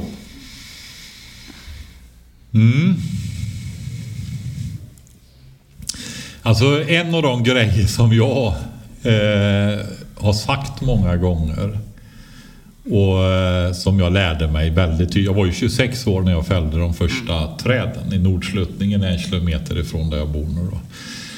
Eh, det är att jag skulle börja och bygga ett förråd. Okej. Nej, men dels så fick jag... eh, Det tar ju ett tag om man ska göra det själv, så tar det tid. Va? Så är det. Och eh, då gäller det att ha bra skydd för material och sådana saker, verktyg och sånt där. Men alltså när jag höll på inne i huset då, eftersom jag, det var ju presenningar eller inne i huset som gällde. Och eh, så mycket som jag fick flytta på grejer och bära runt då. För då kunde jag inte fortsätta där och då fick jag flytta på grejer när jag skulle, ja du vet. Mm. Det var så ett förråd. Man börjar med ett förråd, ett riktigt förråd. Det är väl också bra om man vill öva sig på timren? Att det inte är liksom storhus? Ja, men man kanske... Alltså allt är ju kostnader också. Du hör ju att det här är ju ingen rik grabb alltså. Alltså han kommer från Södermalm. Ja, men han skulle ju vänta flera år innan han... Och leta på billiga ställen och sånt. Som jag. Ja. Och jag vet att du sa i någon podd när du pratade om, om eh, när du pratade om eh, ja, men din kris och, och det som, vad hette det avsnitt? När det blev övermäktigt pratade ni om. Ja, just det. Och då så sa, sa, sa du att också att just, ja men det också var tufft när du byggde upp Ja men byggde Huset, gården. ja. och Mm. liksom att, så att man liksom inte, hur ska man tänka där rent Ja men alltså det är ju det där med mental förberedelse. Och om man jämför historiskt så åker vi ju lite, lite på en räkmacka nu va. Det är inte så många generationer sedan man hade 12 timmars arbetsdagar och många jobbade så länge det var ljust till och med. Och längre norrut så var det ljust väldigt länge på dagarna på sommaren. Så det var väldigt, väldigt långa arbetsdagar. Det, jag, kände ju det att eh, jag var inte, som var så ung, så mentalt förberedd på så stor arbetsuppgift. Utan jag fick ju lära mig det. Det blev ju en utmaning. Alltså det här när du ska göra timmarna, dagarna, månaderna, åren som det blir när du bygger själv. Och du står där och du ska göra dem för att det ska bli färdigt. Och det hänger på dig dessutom. Då. Hur lång tid tog det? Ja, de sista listorna är nog inte uppe än tror jag. Klassiker. Ja, så, ja, det var ju bra att vi inte gjorde färdigt. Vi ska ju ändå renovera nu. Säger. Okej. Så, ja. Nej, men eh, vi flyttade. Jag började påsken 91 och fällde de första träden. Och eh, sen bodde vi där, jag och en ungdomskamrat, bodde vi där i ett vindskydd och timrade upp huset. Då. Så tog timret slut, fick jag åka och hugga mer timmer på ett annat ställe. Och sen så hade vi stommen uppe på hösten med tak så fick den stå och torka. Men två år senare, den första maj 93, då gör det att jag har haft 30-årsjubileum precis då, för några dagar sedan. Eh, Så flyttade vi in på bottenvåningen och så fortsatte jag på övervåningen sen eftersom jag var färdig kanske något år senare med inredning och sånt där då. Och, och du hade liksom ingen alltså, utbildning så i att, i att Nej, jag det var, ja, jag var också på folkhögskola. Ja. Och där byggde vi båt. Bäckedal va? Ja, fast det här var Vinden, Okej. slöjdutbildningen Nej men för jag var på en sommarkurs i Bäckedal. Ja, har varit det. Grindhusbygge heter det. Ja. ja. Men jag fattar inte, vadå, det- Stockholm tog slut? Hade du liksom inte en plan för det? Jo, det hade jag. Ja. Men eh, det gick åt mer än vad jag Gavlarna var det som inte var färdiga. Så jag var ända upp till Hammarbandet då. Det. Alltså det som håller ihop huset längst upp då. Så, det, det, så jag fick hugga lite till då, men det var inga bekymmer. Ja. Det löste sig. Men... Eh, eh, så jag var med... Den utbildningen gick inte jag färdig i Vindeln. Därför jag skulle bli pappa då. Och, så jag var med upp, så jag lärde mig hur man gjorde gåtan och sånt i fönster och dörrar där. Så då kunde jag ju resten sen. Det är ungefär same same hela vägen. Raka knutar Ja. och hålla väggarna Ja. raka. Ja. Och så... Men, men du tror att det är värt att liksom gå en lite, någon slags utbildning och att man liksom inte bara kör YouTube och... Alltså det är ju det där som vi sa med att första gången man gör någonting så gör man ju lite misstag och sånt där. Och andra gången så rättar man ju till det och tredje gången blir det perfekt Mm. va, nästan. Det är ju lite körigt när det gäller hus alltså. Och då är det, där har du en grej med att göra en liten stuga först. Just det. Kanske till och med bygga ett förråd först och sen en liten stuga slash bastu eller någonting. Som finnarna gjorde i bygderna där jag bor. De börjar med bastun de. Då har du gjort tredje huset sen när du gör det stora hus då. Det, Det kan ju vara en bra ja, idé. Det, det är bra. Ja. Sjukt bra tips. Verkligen. Ja. Ja. Känner du att du har fått svar på... Ja, eh, för att fråga en, en, en liten fråga som har med det att göra. Att så här, vad har ni för tips på liksom, utbildningar generellt som man kan gå för att liksom, ja, men, bli en bra småbrukare eller liksom, ja, om man inte vill lägga liksom, Det, det, det, det tio får år du på det. svara på Kalle. Eh, eh, alltså, skaffa en podd med Patrik Sandblad. Ja, Ja, men men, var, eh, men var finns det småbrukarkurser någonstans? Ja, det, det, det finns också hos Patrik. Sånt. Räcker det då? Ehm, ja, så det verkar... Alltså grejen är så här, vad har du med dig från början och så vidare. Men du kommer en bra bit på väg. Jag tycker det är väldigt roligt att se... Jag har ju kört i alla fall i några år nu. Se de som eh, har gått där när de åker hem. Att de växlar upp, många av dem. Alltså de får... Ja, men det är... Det är en väldig skillnad att, att gå och sköta en liten odling och sådär och du måste börja tänka mer som en företagare och system och göra rätt saker vid rätt tidpunkt och så vidare. Det tycker jag nog att man får med sig. Ja, men, det är en Hjalmar, väldig skillnad att Ja, läsa. Hjalmar. Hjalmar, du får jättegärna Ja. komma och, och liksom öva hos mig också. Eh, På riktigt? Ja, ja, lätt. Alltså, dröm. Ja, på ja, riktigt. ja. Alltså, då ses vi 2024. på din kurs. Ja, ja, kul. Ja, perfekt. Nej, för, för eh, jag, jag behöver all hjälp jag Alltså, få. alltså, du får hur mycket hjälp du får. Ja, vad roligt. Alltså, roligt. Ja. På riktigt. Ja, kul. Men Då, jag- vi snackar sen. Jag vill ändå säga en sak också. all- Räcker det? Jag kan säga så här att när man går igenom saker som är såna här basala basic-grejer och lär sig själva grunden. Alltså att kunna genomföra det så att med mer erfarenhet så bygger du upp erfarenhet och rutin och så vidare. Att du har något att utgå ifrån. Du vet i vilken ände du ska börja och, och sådär. För har man inte det då, då, då är ju allting helt oöverstigligt. För du vet ju ingenting. Va? Och jag vill säga att mycket av det här som tillhör småbrukandet då i bredaste bemärkelse är relativt okomplicerade grejer. Bara man får se hur man ska göra så prövar man och bygger upp egen erfarenhet. Ja, men Alltså, slå med lie. Du kan ju hålla på hela livet och bli bättre på att slå med lie. Men går du på en kurs och lär dig hålla lien vass, ställa in den, en grundläggande teknik, ja men då kan du jobba vidare på den sen. Du vet hur du ska tänka och vart du, du får liksom en skjuts på vägen i rätt riktning. Alltså man, man funkar ju väldigt olika liksom, hur man lär sig. För, för mig funkar det att göra. Eh, Jag kan inte läsa mig till grejer, utan jag måste liksom göra mig till grejer. Och, och då eftersom jag är liksom 40 så kunde jag köpa ett eget ställe. Men om, om jag hade varit 18 då, då verkar det ju, det är ju toppen att komma någon annanstans och, och öva sig. ja, Liksom. Så, och det, verkar, det verkar också som att man gör mycket så i den här svängen. Alltså, eh, eh, för jag har ju som kommit in i den här världen lite. Som, som, Småbrukarkulturen. Små, alltså, precis. Man, man, man är liksom... eh, Man har, man har hundvalpar som man säljer. Man, man är familjehem åt eh, ungdomar som har det svårt. Och sen så eh, håller man på och jobbar hos andra och lär sig. Och så. Det, det är så det går till. Liksom. Och, och har man inte stålarna och köpa det istället, då får man, får man göra så. Oj. Men sen kan man ju också organisera grejer i bygden. På Södermalm. Ja? Nej, men när du hamnar på ett ställe sen.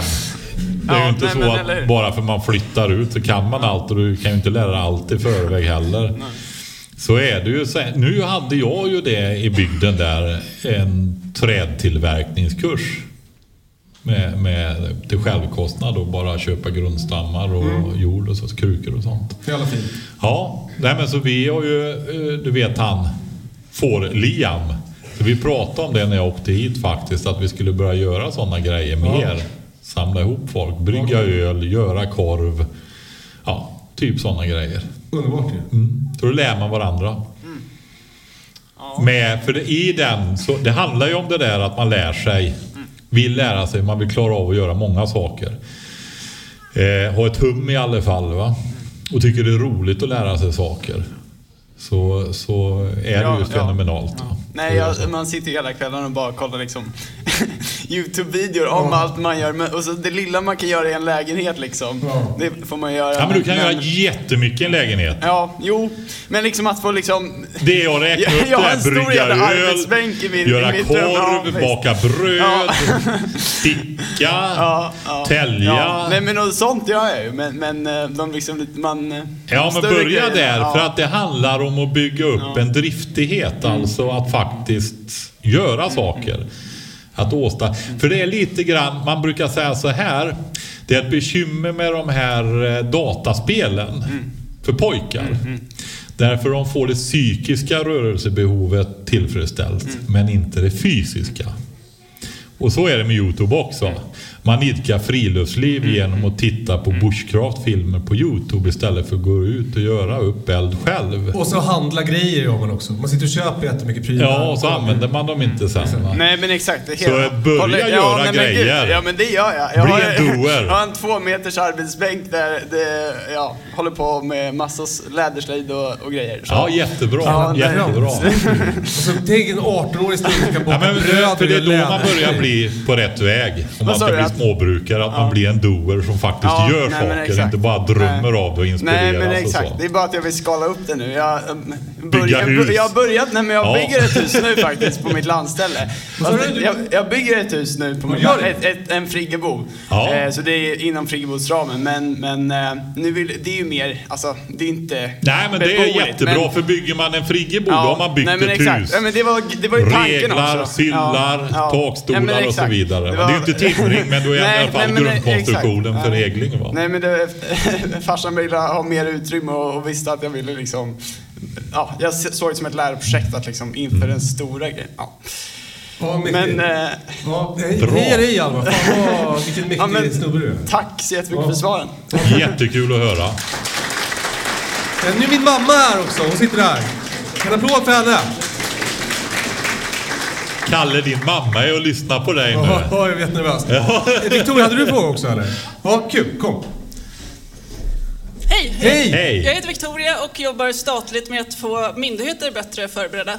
Jag Ja, har lite fråga som... grattis. Tack.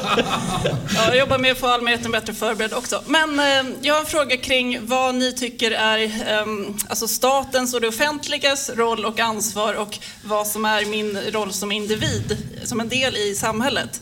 Till exempel, alltså, var går gränsen för att liksom, det här, skärp dig som du sa, liksom, ta tag och göra själv och vad ska jag då som statstjänsteman och eh, göra. Eh, ett konkret exempel. Du får inte ha med dig husdjur ner i skyddsrummen.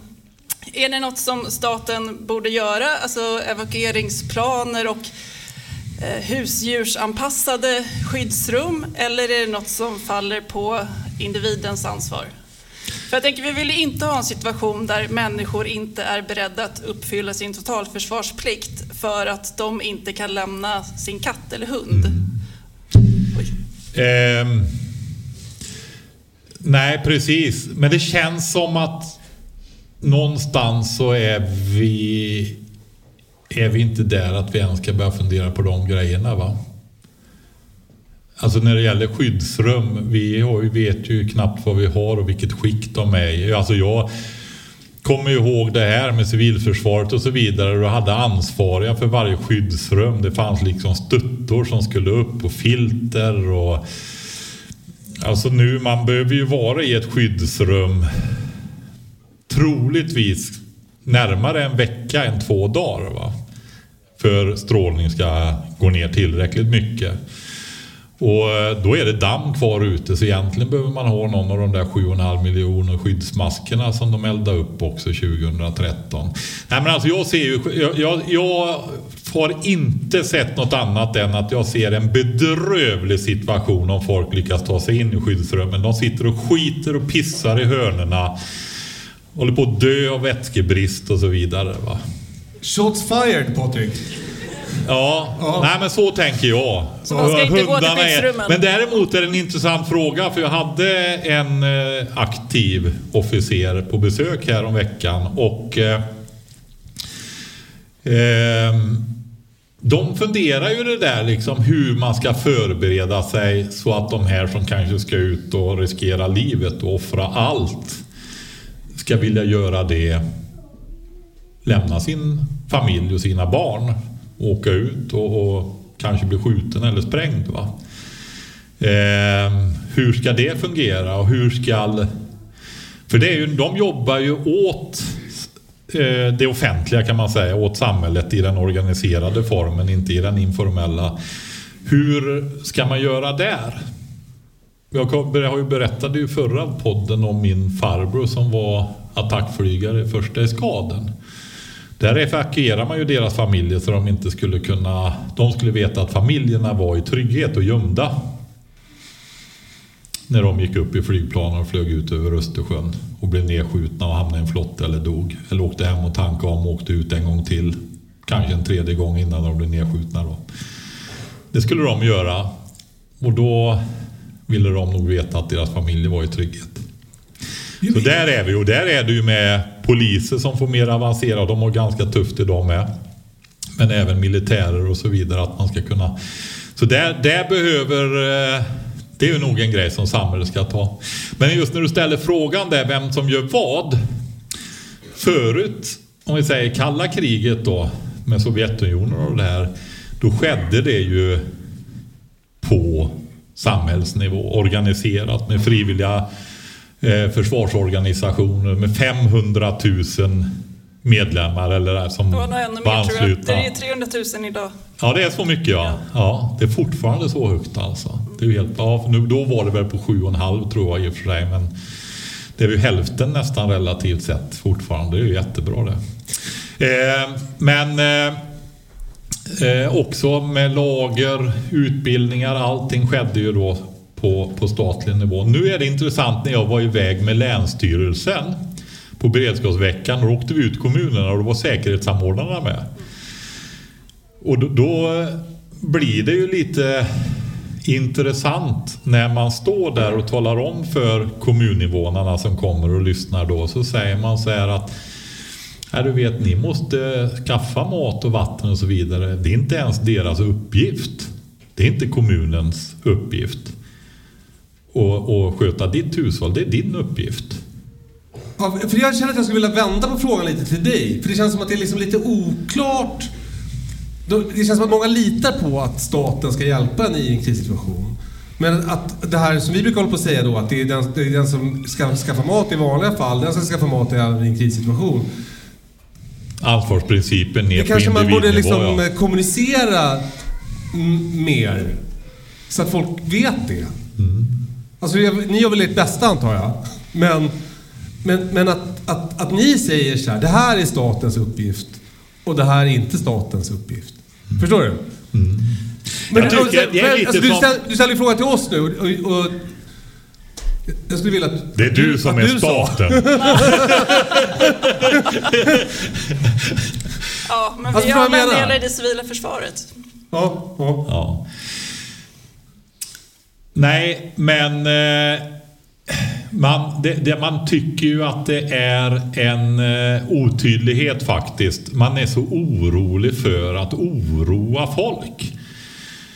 Ehm, Jag tror inte det där stämmer längre. Så var Du det tror förr. inte det? Nej, det, det stämmer inte längre. Och, alltså, jag måste nå ut med det också. Ja, jo, men det tycker jag. Nu ska ni vara skärpa er och vara oroliga här.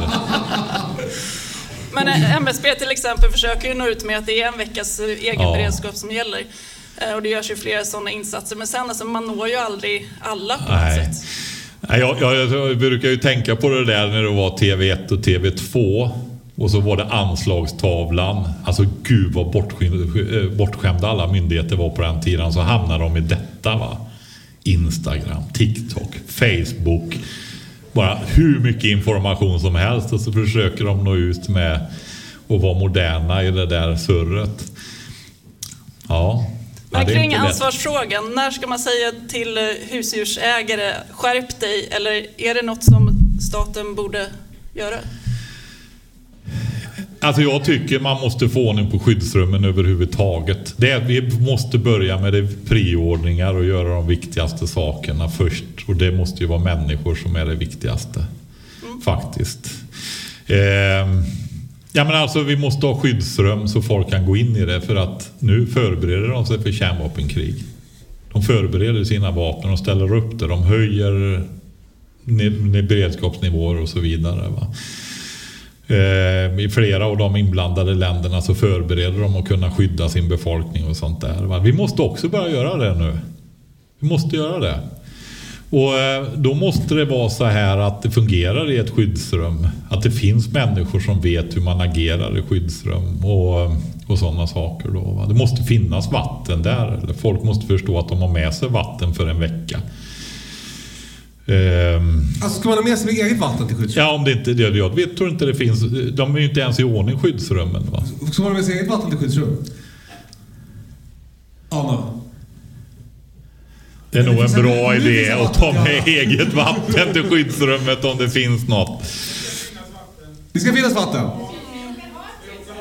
Har ni ett skyddsrum? Alltså till all, till, har ni ett skyddsrum till alla? Som till, liksom folk ska komma till? Kom fram och berätta! Det här låter ju superspännande. Tack. Tack, tack Victoria. Förlåt. Eller ja, tack. Men eh, Victoria, tyckte du att det blev bra där med svaret? Ja. Ja, alltså, vi- jag vill ha. Ni har ett skyddsrum. Vad heter du? Ja, Johannes. Hej Johannes. Tjena. Hur, hur liksom, eh, visste du det här när du köpte ditt hus? Ja. Är det villaområde? Ja. Med ovanjordiskt med 30 centimeters betongväggar? Ja, det räcker knappt. 40 kanske? Ja, jag skulle säga så. Var det några speciella krav på er när ni köpte huset? För, för när man sitter på ett flygplan vid nödutgång, då flyttar de ju på en om man är, verkar oslög. är det, var det så med er också? Nej. Vem Utan som det är, helst, alltså vilken idiot som helst hade kunnat få köpa det där. ja, det är ju förra ägaren som har, misstänker jag, fått eh, den, eh, den eh, statliga ja, subventionen som man fick då. På 70 Alltså det, han 80-talet. anmälde sig jag kan bygga ett skyddsrum. Ja. Eller hon, Ja. skulle kunna vara också hon. Det är ju ett garage kan man säga. Ja. Och eh, eh, liksom, hur, vad är berätta om garaget, hur ser det ut? Ja, det är påbyggt så att det är ju, eh, finns ju en vind på det också, men det är ju inte skyddsklassat. Utan det är ju ett eh, ja, vanligt fyrkantigt 60 kvadrat, ska jag säga 50. Så det är väl drygt en kvadrat per person. Är det några grejer i det som alltid är där? Ja. Alltså era gamla skidor? ja, men det är ju de här, det har ni varit inne på, man har ju två dygn på sig att iordningställa det. Ja. Så, så ståldörrar och eh, sånt gömmer sig bakom panelen, så det får man ju riva. Okej. Gud vad spännande. Alltså, nu, nu, Ja, väldigt. Och hur, hur får du meddelandet? Om det är någon ryss som är här inne som ska gå nu. Ja, Alltså jag har försökt att råda det här. Jag är brandman dessutom så jag bryr mig mycket om det här. Men det är inte lätt att få något svar från MSB. Kan jag säga. De är ju här. De är här, jag vet, jag vet. Men så du kommer på något sätt få ett meddelande? Alltså vit rök genom skorstenen, det vet vi inte. Men på något sätt kommer du få reda på så här, nu är det dags. Riv panelen. Och så bara, ah, det var fast alarm. Alltså, vi, vi kan väl förtydliga det om inte alla vet det. Så är det så att vi är ett av de skyddsrumstätare länderna i världen. Om inte jag minns fel Alltså det, vi ser ju där jag bor i kommunen så är ju mycket av de gamla skyddsrummen är borta. I Gräsmark, i gamla kommunhuset, så hade vi Det finns ju skyddsrum där men de är så långt ifrån så de räknas inte som skyddsrum ens en gång längre. Va? Men det var jag det kanske Anna kan svara på här om du, eller Victoria om ni har uppdaterade siffror. Men 7,5 miljoner skyddsrumsplatser tror jag vi har. Va? Eller hade i alla fall. Vet ni om det stämmer? De ringer febrilt där nere. Ja, Eh, vi, vi måste höra mer från Ja. Johannes var det va? Ja. Johannes skyddsrum. Okej, du får ett meddelande. Du river panelen, smockar igen ståldörrarna. Yes. Finns det några filtar och sånt där? Har du några lådor med det hemma? Ja, men vi har ju en relativt bra beredskap skulle jag säga. Ja, men alltså inte du, men Men- till alla 60 personer som kommer Mm, dit. nej, det är ju sådana grejer man kan tänka över. Men, eh, men vatten är ju en sån grej som det ska finnas. Det, det har du Ja, som... ja. Och, och vad, hur, gör du det då? Nej, det finns ju en, eh, en kran in. En dragen. Ja. Så att det... då fyller du en tank där. Jaha. Ja, vadå? Alltså det är bara en vanlig kran i skyddsrummet? Ja, det Nej, men finns alltså, en vanlig om vi- kran. Den eh, sprang läck till och med för något år sedan. Så, Ja. eh, Nej, men om vi tar vattnet där då. Det är ju centralt om man ska sitta i ett skyddsrum mer än tre dygn. För man dör ju efter tre dygn eller får obotliga njurskador som man dör av efter tre dygn utan vatten. Hur eh, är det ett vattentorn som trycker till en kran där man ska gå och dricka? Eller är det så att det finns en kran där du kan fylla på behållare för 60 pers i en vecka där inne? fylla på för 60 pers. Så det är vanligt kommunalt vatten mitt inne i stan. Så, så det är ju, men nej, men, Men det det, är ju som du säger, det är ju tryggt. Ja, ja, men, men jag har ju liksom inte... Sen har jag mina 200 liter vatten där. Jag har Mm. mitt förråd i, i skyddsrummet så att säga. Men det, det kommer 60 andra som... Då vill ju de ha det i vattnet. Precis. Men då stänger ni bara ståldörren? Ja, ja, det är ju då man... eh, Jag har gjort klart för grannarna att det är ni och vi och sen stänger vi. Ja, men för det var min nästa fråga. Ja, liksom, eh, vet de om att de ska komma hem till er? Ja, jag tror ju det. Det är ju de här undersökningarna man har gjort sista året att folk har börjat söka på MSBs hemsida och sådär. Så jag tror de flesta... Men vi var faktiskt inne på det, jag och frun, där att vi skulle informera grannarna. Att, Men, ja, va, det låter helt sjukt att det är upp till er. Ja, men det tycker jag är jättebra förebild. Ja, alltså, jag menar det är bra. Alltså, är vi, vi inte ska ta att- ansvar. Men Det, är det vi ska göra. skumt att det, att det inte är någon som säger åt er att ni måste... Får ni något betalt för att ni har det här? Nej, men jag skulle tro... Man, man undrar ju vad som händer när de kommer och besiktiga det den dagen. Om det utgår vite, om det liksom Men jag fattar, vadå, får du, det, det här är liksom bygger på att du tycker att det är kul då? Alltså, Nej, men jag har ju råkat... eh, Eller vi har ju råkat köpa ett hus som har ett skyddsrum. Ja. Så det var ju ja, inte men vad Alltså, målet från början. eller? Nej? Ja, Nej men då. grunden, Kalle, är så här att det är fastighetsägaren som är ansvarig för de här skyddsrummen som en gång byggdes. Då, och då Victoria, är han det tycker jag staten ska sköta bättre då. Alltså svar på din fråga. Jag tycker att det här med skyddsrummen borde vara statens ansvar mer än, än Johannes ansvar. Ja, de har tillsynsansvaret och övervakningsansvaret. Ja, men det var också att han ska informera grannarna och hej Ja, men det gör det finns ju på statliga sidorna var det finns skyddsrum. Finns det mat i skyddsrummet? Ja, för... eh, Ja, men det är ju återigen, det är ju vårat preppingförråd. Ja, men det är extra- ert prepping, för det kan inte räcka till alla grannar. Ska ni Nej, nej, nej, nej, utan jag tror väl egentligen, men du, pra, ja, du nu pratar du om... eh, Prata om bara om skyddsrummet specifikt, vad som är förberett där. Finns det filter? För Ja, det, det- alltså, ja, det är grejen det. är så här, om man är 60-65 pers på 60 kvadratmeter. Det blir tungandat efter ett tag. Det finns filter och sen finns det ju dessutom ett fönster som du ska fylla igen med klassiska såna här betong... eh, Ja, just det. Och sen finns det en, ett torrdass som finns uppe på vinden som man kan plocka ner. Mhm. Det ska ju finnas. Så vatten, torrdass, eh, ventilation som du Men säger. detta låter som ett av de skyddsrummen som faktiskt är så pass så att det går att ställa upp det som ett riktigt skyddsrum på två dygn. Ja, kanske. Ja, jo, men jag skulle, ti- nära. jo, jo, jag skulle tippa på det. Hur stor behållare är det i torrdasset? För 60 pers som... Alltså skiter krukan full. Är det, det, jag Ja, men kanske är en jag- modell plastpåse med buntband. Ja, jag tror det. Ja. Jag tror det. Ja. Det, det är wellpapp, sådana de hade i försvaret. Eh, Okej, så det, man vet, om, det- om det då händer någonting, larmet går, du river panelen, stänger dörren, grannarna kommer. Här finns det någon hemlig knackgrej för att de ska komma in. Ja, det... Kör lite morsekod. De, de knackar, de får komma in, men då finns det inget där. Nej, nej. Men al- alltså jag tänker ju skyddsrum mer, men du var inne på det Patrik, det här med, med eh, kärnvapen och att det ligger kvar en vecka. Men annars tänker jag ju som man ser i Ukraina nu, att de sitter i några timmar. Nej, med flyglarm. Ja, Ja. typ Ja. så. Men, eh, men eh, det är som du säger, en vecka där inne, då är det ju inte kul. Nej. Nej. Nej, och sen eh, är det ju så att man behöver ju ha...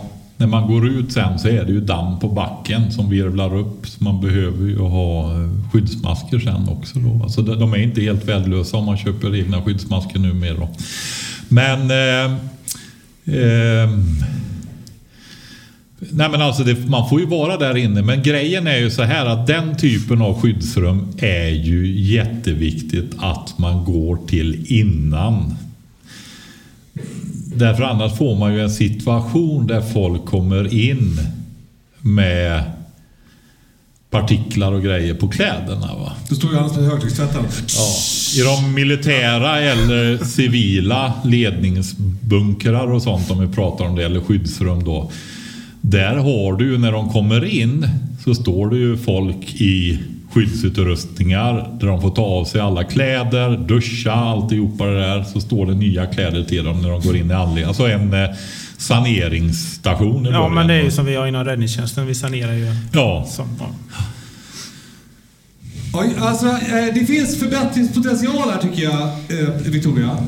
Alltså, Johannes är ett väldigt bra exempel på någon som, som tar ett stort ansvar själv. Men det känns som att han skulle behöva lite mer stöd från, från er. Aha.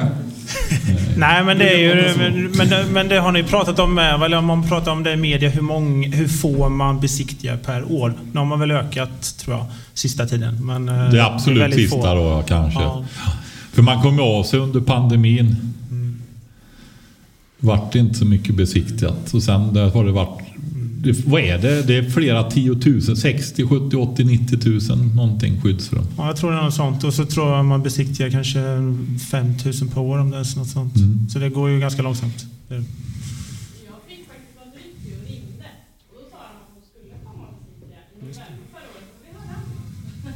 De kanske var där. Ja. Nej, men det är viktigt att vi hjälps åt på alla områden. Alla kan ju inte... Alla kan göra, ingen kan göra allt, alla kan göra något. Va? Men jag tycker också det är väldigt inspirerande att höra just det här att du, när ni gör eran beredskap så tänker ni på andra också. Jo, men det är Alltså, ju jag- att informera. Ja, Ja, men, men att man tänker- tänker det. Ja. Det lät lite som att ni även gjorde, hade lite lager och grejer på till någon nivå i alla fall. Jo, men så är det ju. Men sen räcker det inte till 60 pers så länge. Utan det är ju, Nej, utan då det, får du ju köra vete. Ja, precis. Ja. Då får jag köpa en Tugga silo. länge och noga. En silo Mycket saliv. Nej, men alltså jag var på en annan föreläsning där det gäller trygghetspunkter tror jag man kallar det. Är det någon som? Stämmer det? Trygghetspunkter? Ja. Och Ehm, det var kyrkan då, stiftet som var på väg att göra det. Och då tänker jag sådär i alla fall på glesbygden att nej, men om man har djur ha extra spannmål. Det håller i flera år spannmål utan. Hö kan ju bli sämre på något år eller några, år där. Va? Men spannmål håller sig länge. Ehm, och man kan ju ha några, i alla fall några enstaka års förbrukning i spannmålslager. Och eh, då har man det att kombinera med att kunna hålla igång vatten och lite andra grejer så är man ju en trygghetspunkt faktiskt. Och det är ingen jättekostnad. Det är en viss lagerkostnad är det ju men Ja, eh, eh, tack Johannes. Ja. En applåd. Eh, nu, nu tycker vi skiter i det här. nej, Nej. en fråga till. Är det Okej. någon som vill? Ja, kul. Du, var ju, du tycker, är du, det, det är alltså någon enstaka med småbarn går betyder Ja, det är bäst att jag bara blir less. Ja. Förlåt. Eh, Och du hade en Hej. fråga till Ja. som är less. Förlåt. Ingen fara. Hej, Therese heter jag. Eh, jag tänkte spinna vidare lite på Hjalmars fråga här. Eh, jag är lite i samma situation, bor i lägenhet, eh, men har kanske inte åren framför mig och vet också mina egna begränsningar. Så jag kanske inte kommer ge mig på att bygga ett eget hus. Är du singel Hjalmar? Eh, Men om jag letar, liksom, om vi går i hustankar. Vad ska jag leta efter ur, ja, men ur självhushållningssynpunkt, hemberedskap? Jag tänker liksom, en för liten tomt, det är svårt att göra någonting åt. Liksom, har man en liten tomt så har man, men är det saker med huset, liksom, vissa saker kanske går att åtgärda, men hur ska vi tänka när vi letar hus helt enkelt? Alltså om man tar, det, det är en väldigt bra fråga. Jättebra. Eh, alltså svält är kaloribrist. Är kaloribrist är kaloribrist. Det andra är näringsbrist. Alltså det här som släcker ner kroppen, systemen, börjar bryta ner kroppen fort. Det är kaloribrist. Eh, tittar vi just det här med självhushållning då. Så är det så här att i väldigt stor utsträckning i vårt kulturområde historiskt när det har varit ännu kallare dessutom väldigt besvärligt i flera hundra år då sedan lilla istiden. Så, eh, så har vi slagit gräs och haft betesdjur. För det har varit det effektivaste sättet att skörda energi. Men vi kan inte äta gräs, torkat gräs. Utan då har vi haft kor, får, getter i huvudsak. Som har kunnat ge det och få högvärdiga energirika livsmedel. Då. Ehm, så det är egentligen det. Du har ju kaniner och andra också som du kan ge gräs då. För att producera proteinrikt. Men det blir magert kött å andra sidan. Eh, för tittar man på det här att odla grönsaker, alltså de odlade inga grönsaker förr. De hade inte, det fanns inte tid till sån skit, rent ut sagt. Ja, men det, alltså, det var så. För det gav för lite helt enkelt. Va? Man hade problem att introducera potatisen också. Så vi... Jag vet inte om jag går för långt där, men jag tror att jag har rätt när jag säger att i princip så var det industrialismen som, som eh, där vi började använda potatis lite mer på allvar. För att vi kanske fick lättare arbete och inte behövde lika mycket kalorier. Va?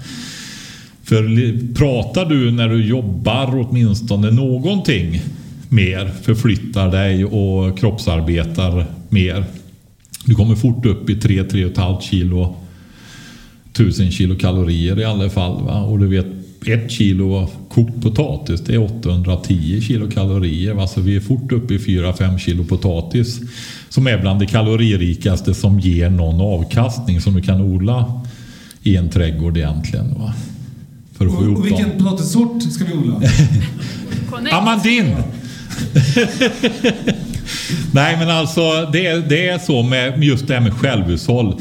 Och ehm, man, det är väldigt långt gånget om du ska kunna producera kalorier i någon större omfattning alltså på, på en mark. Så är det. Så att det vad jag vill komma fram till är att väldigt mycket är lager och det andra är ett komplement till det. Då. Eh, och det kräver ganska mycket kunskaper att komma upp i det också om man inte har något innan. Då. Men det finns ju andra grejer också som är viktiga för beredskapen. Ja, jag skulle säga så här att titta vad det är för bygd och kultur i bygden och hur mycket man hjälps åt och vad det finns för resurser runt omkring och fundera på vad kan jag bidra med i den bygden och så vidare istället. Också sådana grejer då. Men, men till exempel att, att för ett hus vid en, vid en rinnande vattenkälla är väldigt smart. Ja. Alltså, jag tänkte lite mer som tipsigt. Ja. en lista vill vi ha. Alltså kanske ja. typ, eh, att det finns en bra eh, murstock. Ja, Mycket kan, massa i eh, murstocken. Ja, men alltså att man kan elda då med ved. Mm. Det är ju en väldigt stor fördel. Eh, att det går att förvara mat, att det finns riktiga skafferier eller går att, och jordkällare. Eh, en jordkällare som ligger nära köket. Skall du odla så är det bevattning. Det är grunden för att kunna odla. Speciellt om det är på mindre ytor så att det ska bli effektivt. Så är det en enorm fördel om man kan det. Och det kan vara sådana saker som att du faktiskt har en bäck. Att det går att sätta upp en vädur. Alltså en, en eh, helmekanisk pump som inte behöver el. Som tar eh, rörelseenergin i vattnet. Tar 90% ungefär av rörelseenergin. Och använder för att pumpa en tiondel av vattnet. Kan pumpa jättelångt. Så man kan fylla på tankar och sånt med vattenledningar utan elektricitet. Det låter som en dröm. Ja, det är en bra grej. Bara man tar in den på hösten kallt så den inte fryser sönder. Ja. Eh, ja, och så, eh, man behöver kunna elda, jordkällare, eh, vatten. Och sen eh, något om hur huset är byggt. Timmer. Alltså, och det är ju också en sån där grej. Är det äldre hus så är de ju byggda på ett sätt som gör att de faktiskt är lättare att reparera skulle jag säga. Utan de moderna byggmaterialen. Alltså när- skaffa en ny träbit och sätt dit. Typ. Jag har ju byggt mitt hus så, så att det är väldigt lätt att reparera. Det var en av grejerna jag tänkte på där som 26-åring. Sen, sen en annan grej som jag tänkte på men som jag nu tappade för jag blev så upptagen med att du hade byggt ditt hus själv. Fortsätt prata Patrik, jag kom på det. Ja. Nej men... Eh, Jo! eh, Det här med att jag håller på med mina de där små äppelträden. Alltså finns det äldre, eh, som lite mer givande fruktträd är det ett jävla plus. Alltså, för det, det är sådana grejer som, det spelar inte någon roll för priset på ett hus. Men det är ju stor skillnad för den som flyttar in. Mm. Så, ja. Och så eh, eh, vinbärsbusk, alla de där grejerna som är perenna va? Som bara fortsätter att komma. Det är, om det finns redan så har det ett väldigt försprång. Alltså det är tio år försprång på äppelträden. Det är en grej jag tänkte på för jag hade ju trätillverkning, alltså man bygger upp egen plantskole egentligen med sticklingar och träd och sådana grejer då. Och då berättar de för mig att när de unga flyttar in nu i de gamla villaområdena så hugger de ner alla träden. Väldigt vanligt tydligen. Hjalmar, vad fan håller ni på med? Ja. Är det något mer du vill fylla på där eller tyckte du att det gav någonting de svaren där? Det var jättebra. Uthus! Alltså jag har ju byggt själv. Alltså om du visste vad jag har saknat den där gamla ladan där du. Kan jag säga. Så Det det är är, har du bra, ja det är det. Hus, det, bostadshus, det går alltid att reparera och bygga upp. Det går med uthus med. Men om man har ett fint uthus, det är värt mycket. Alltså finns det en handpump? Det, alltså, det, är- det är också goals. Ja. ja men du är sugen på att flytta nu? Ja. Men sen är det ju också så här. Eh, när det gäller som det ser ut idag så är det kostnaderna också. Det är jättebra om man har möjlighet att försörja sig på en mindre efterfrågad plats. För alltså det kostar ju mycket små belopp fortfarande på många ställen. Då. Alltså, ska, är det som en, en bra grej att skaffa ett eh, internetjobb. Ja. ja. Kryptovaluta till exempel. Eller Counter-Strike. Ja, det är för sent. Ja, Ja, men med eh. Lycka till! Ja, Vad, ja. vad spännande Ja. tid du har framför dig. Jag hoppas det. Mm. Jaha, tack snälla. Tack. Nu då Patrik? Är det klart nu? Okej då. Okej, men vi har några grejer först. Alltså för fan vad gulligt att ni kom till att börja med såklart. Alltså det är ju helt otroligt att ni kommer hit för att stå, se på oss när vi står här och gaggar. Ja, det är, och sen, jag har säkert hört många av de här grejerna förut också ju eftersom, eftersom vi glömmer bort vad vi pratar om. Ja. Så, så stort, stort tack för det. Eh, sen är det... Eh, de här grejerna får ni jättegärna köpa. Det är 10% på de här idag. Om man vill eh, köpa eh, eh prepboxar eller vattenrening. Och sen så, eh, eh vi har ju det här klädmärket Kärret också. Eh, så, som inte har gjort den här men som gör en liten. Då får man 15% tror jag med rabattkoden rabattkod. Eh, Så det kan ni gå in, eh, det, det gäller väl ett tag till antar jag, några dagar. Men, eh, så det kan ni handla som tack för att ni kom, som en present. Eh, har du några kursplatser kvar? Ja, vad bra att du sa det. Men, men jag vill säga en sak också så här att eh, för oss är det ju så här att vi har gjort 100 poddavsnitt nu. Fattar ni hur hedrande det är för oss att ni vill komma och dela det med oss här? Det är ett otroligt stort tack alltså. Ja, verkligen. Känns väldigt, väldigt hedrande. Ja, det, Tack. det är jätte... Alltså det är så jävla läskig grej att bjuda in till det här. Och så tog biljetterna slut. Alltså det är helt sjukt. Tack så hemskt mycket. Alltså jätte... Verkligen. Ehm, nej men jag har faktiskt, det är ju så här. Jag har ju två småbrukarkurser som är åtta dagar. Eh, utspridda under säsongen. Och vi har dragit igång. Så vi har gjort trädtillverkningen nu. Den här plantskoleverksamheten. Att kunna göra egna träd och buskar och sådana saker. Eh, men det är sju dagar kvar. Och den ena kursen har en plats kvar och jag tänkte stycka upp den och erbjuda att få köpa nu. Men om det är någon som vill ha den så finns det möjlighet att få den sista platsen där. Minus första dagen då. Eh, Hjalmar, har du rika föräldrar? Alltså, jag är det. För annars så... så, så Och det- det vore jag kan det med roligaste, för- annars. Alltså om dina föräldrar är fattiga. Det Inte fattiga. Jag och dina föräldrar kan gå ihop. Ja. Har, har klart att. Guldbergs. Ja.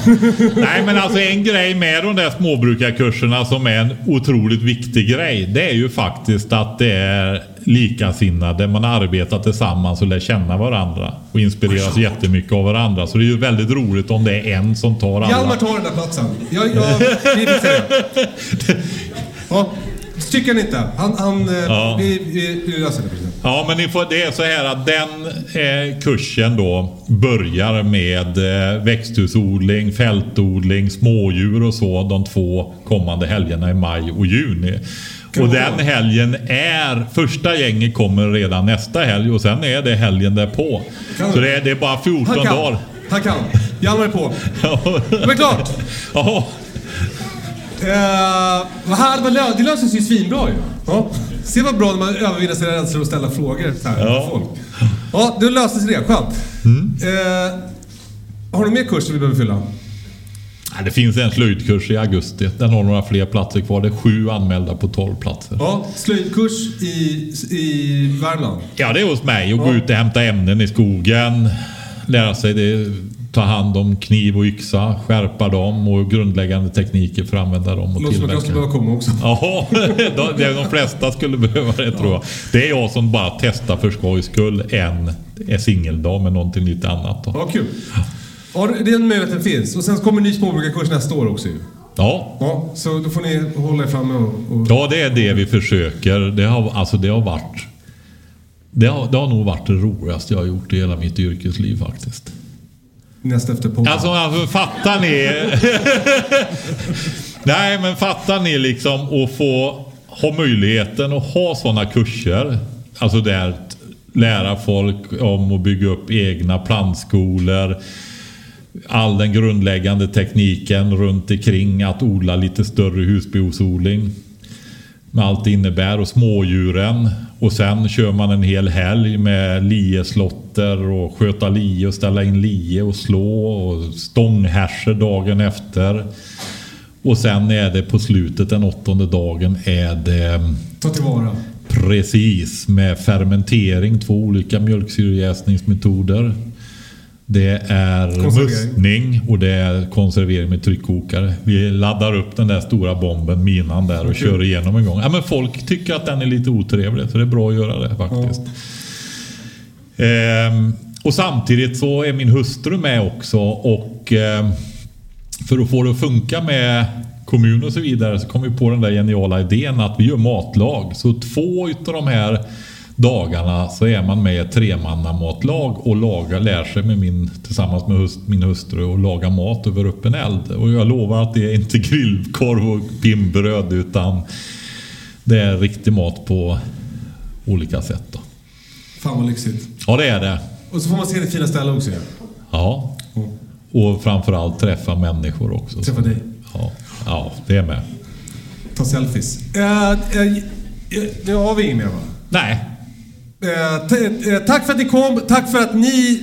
Jag pekar på mikrofonen nu så ni fattar. Tack för att ni lyssnade på den här podden. Synd att ni inte kunde komma, ni kanske hade viktigare saker för er. Ni döda för oss. eh, om det är någonting så kan ni mejla hej katastrofen.se eh, Och nu får man jättegärna, om man vill, ta bilder eller skaka hand eller köpa eller vad man nu vill. Eh, tusen tack för att ni kom. Mm. Och tack Patrik! Tack Kalle! För att du kom också.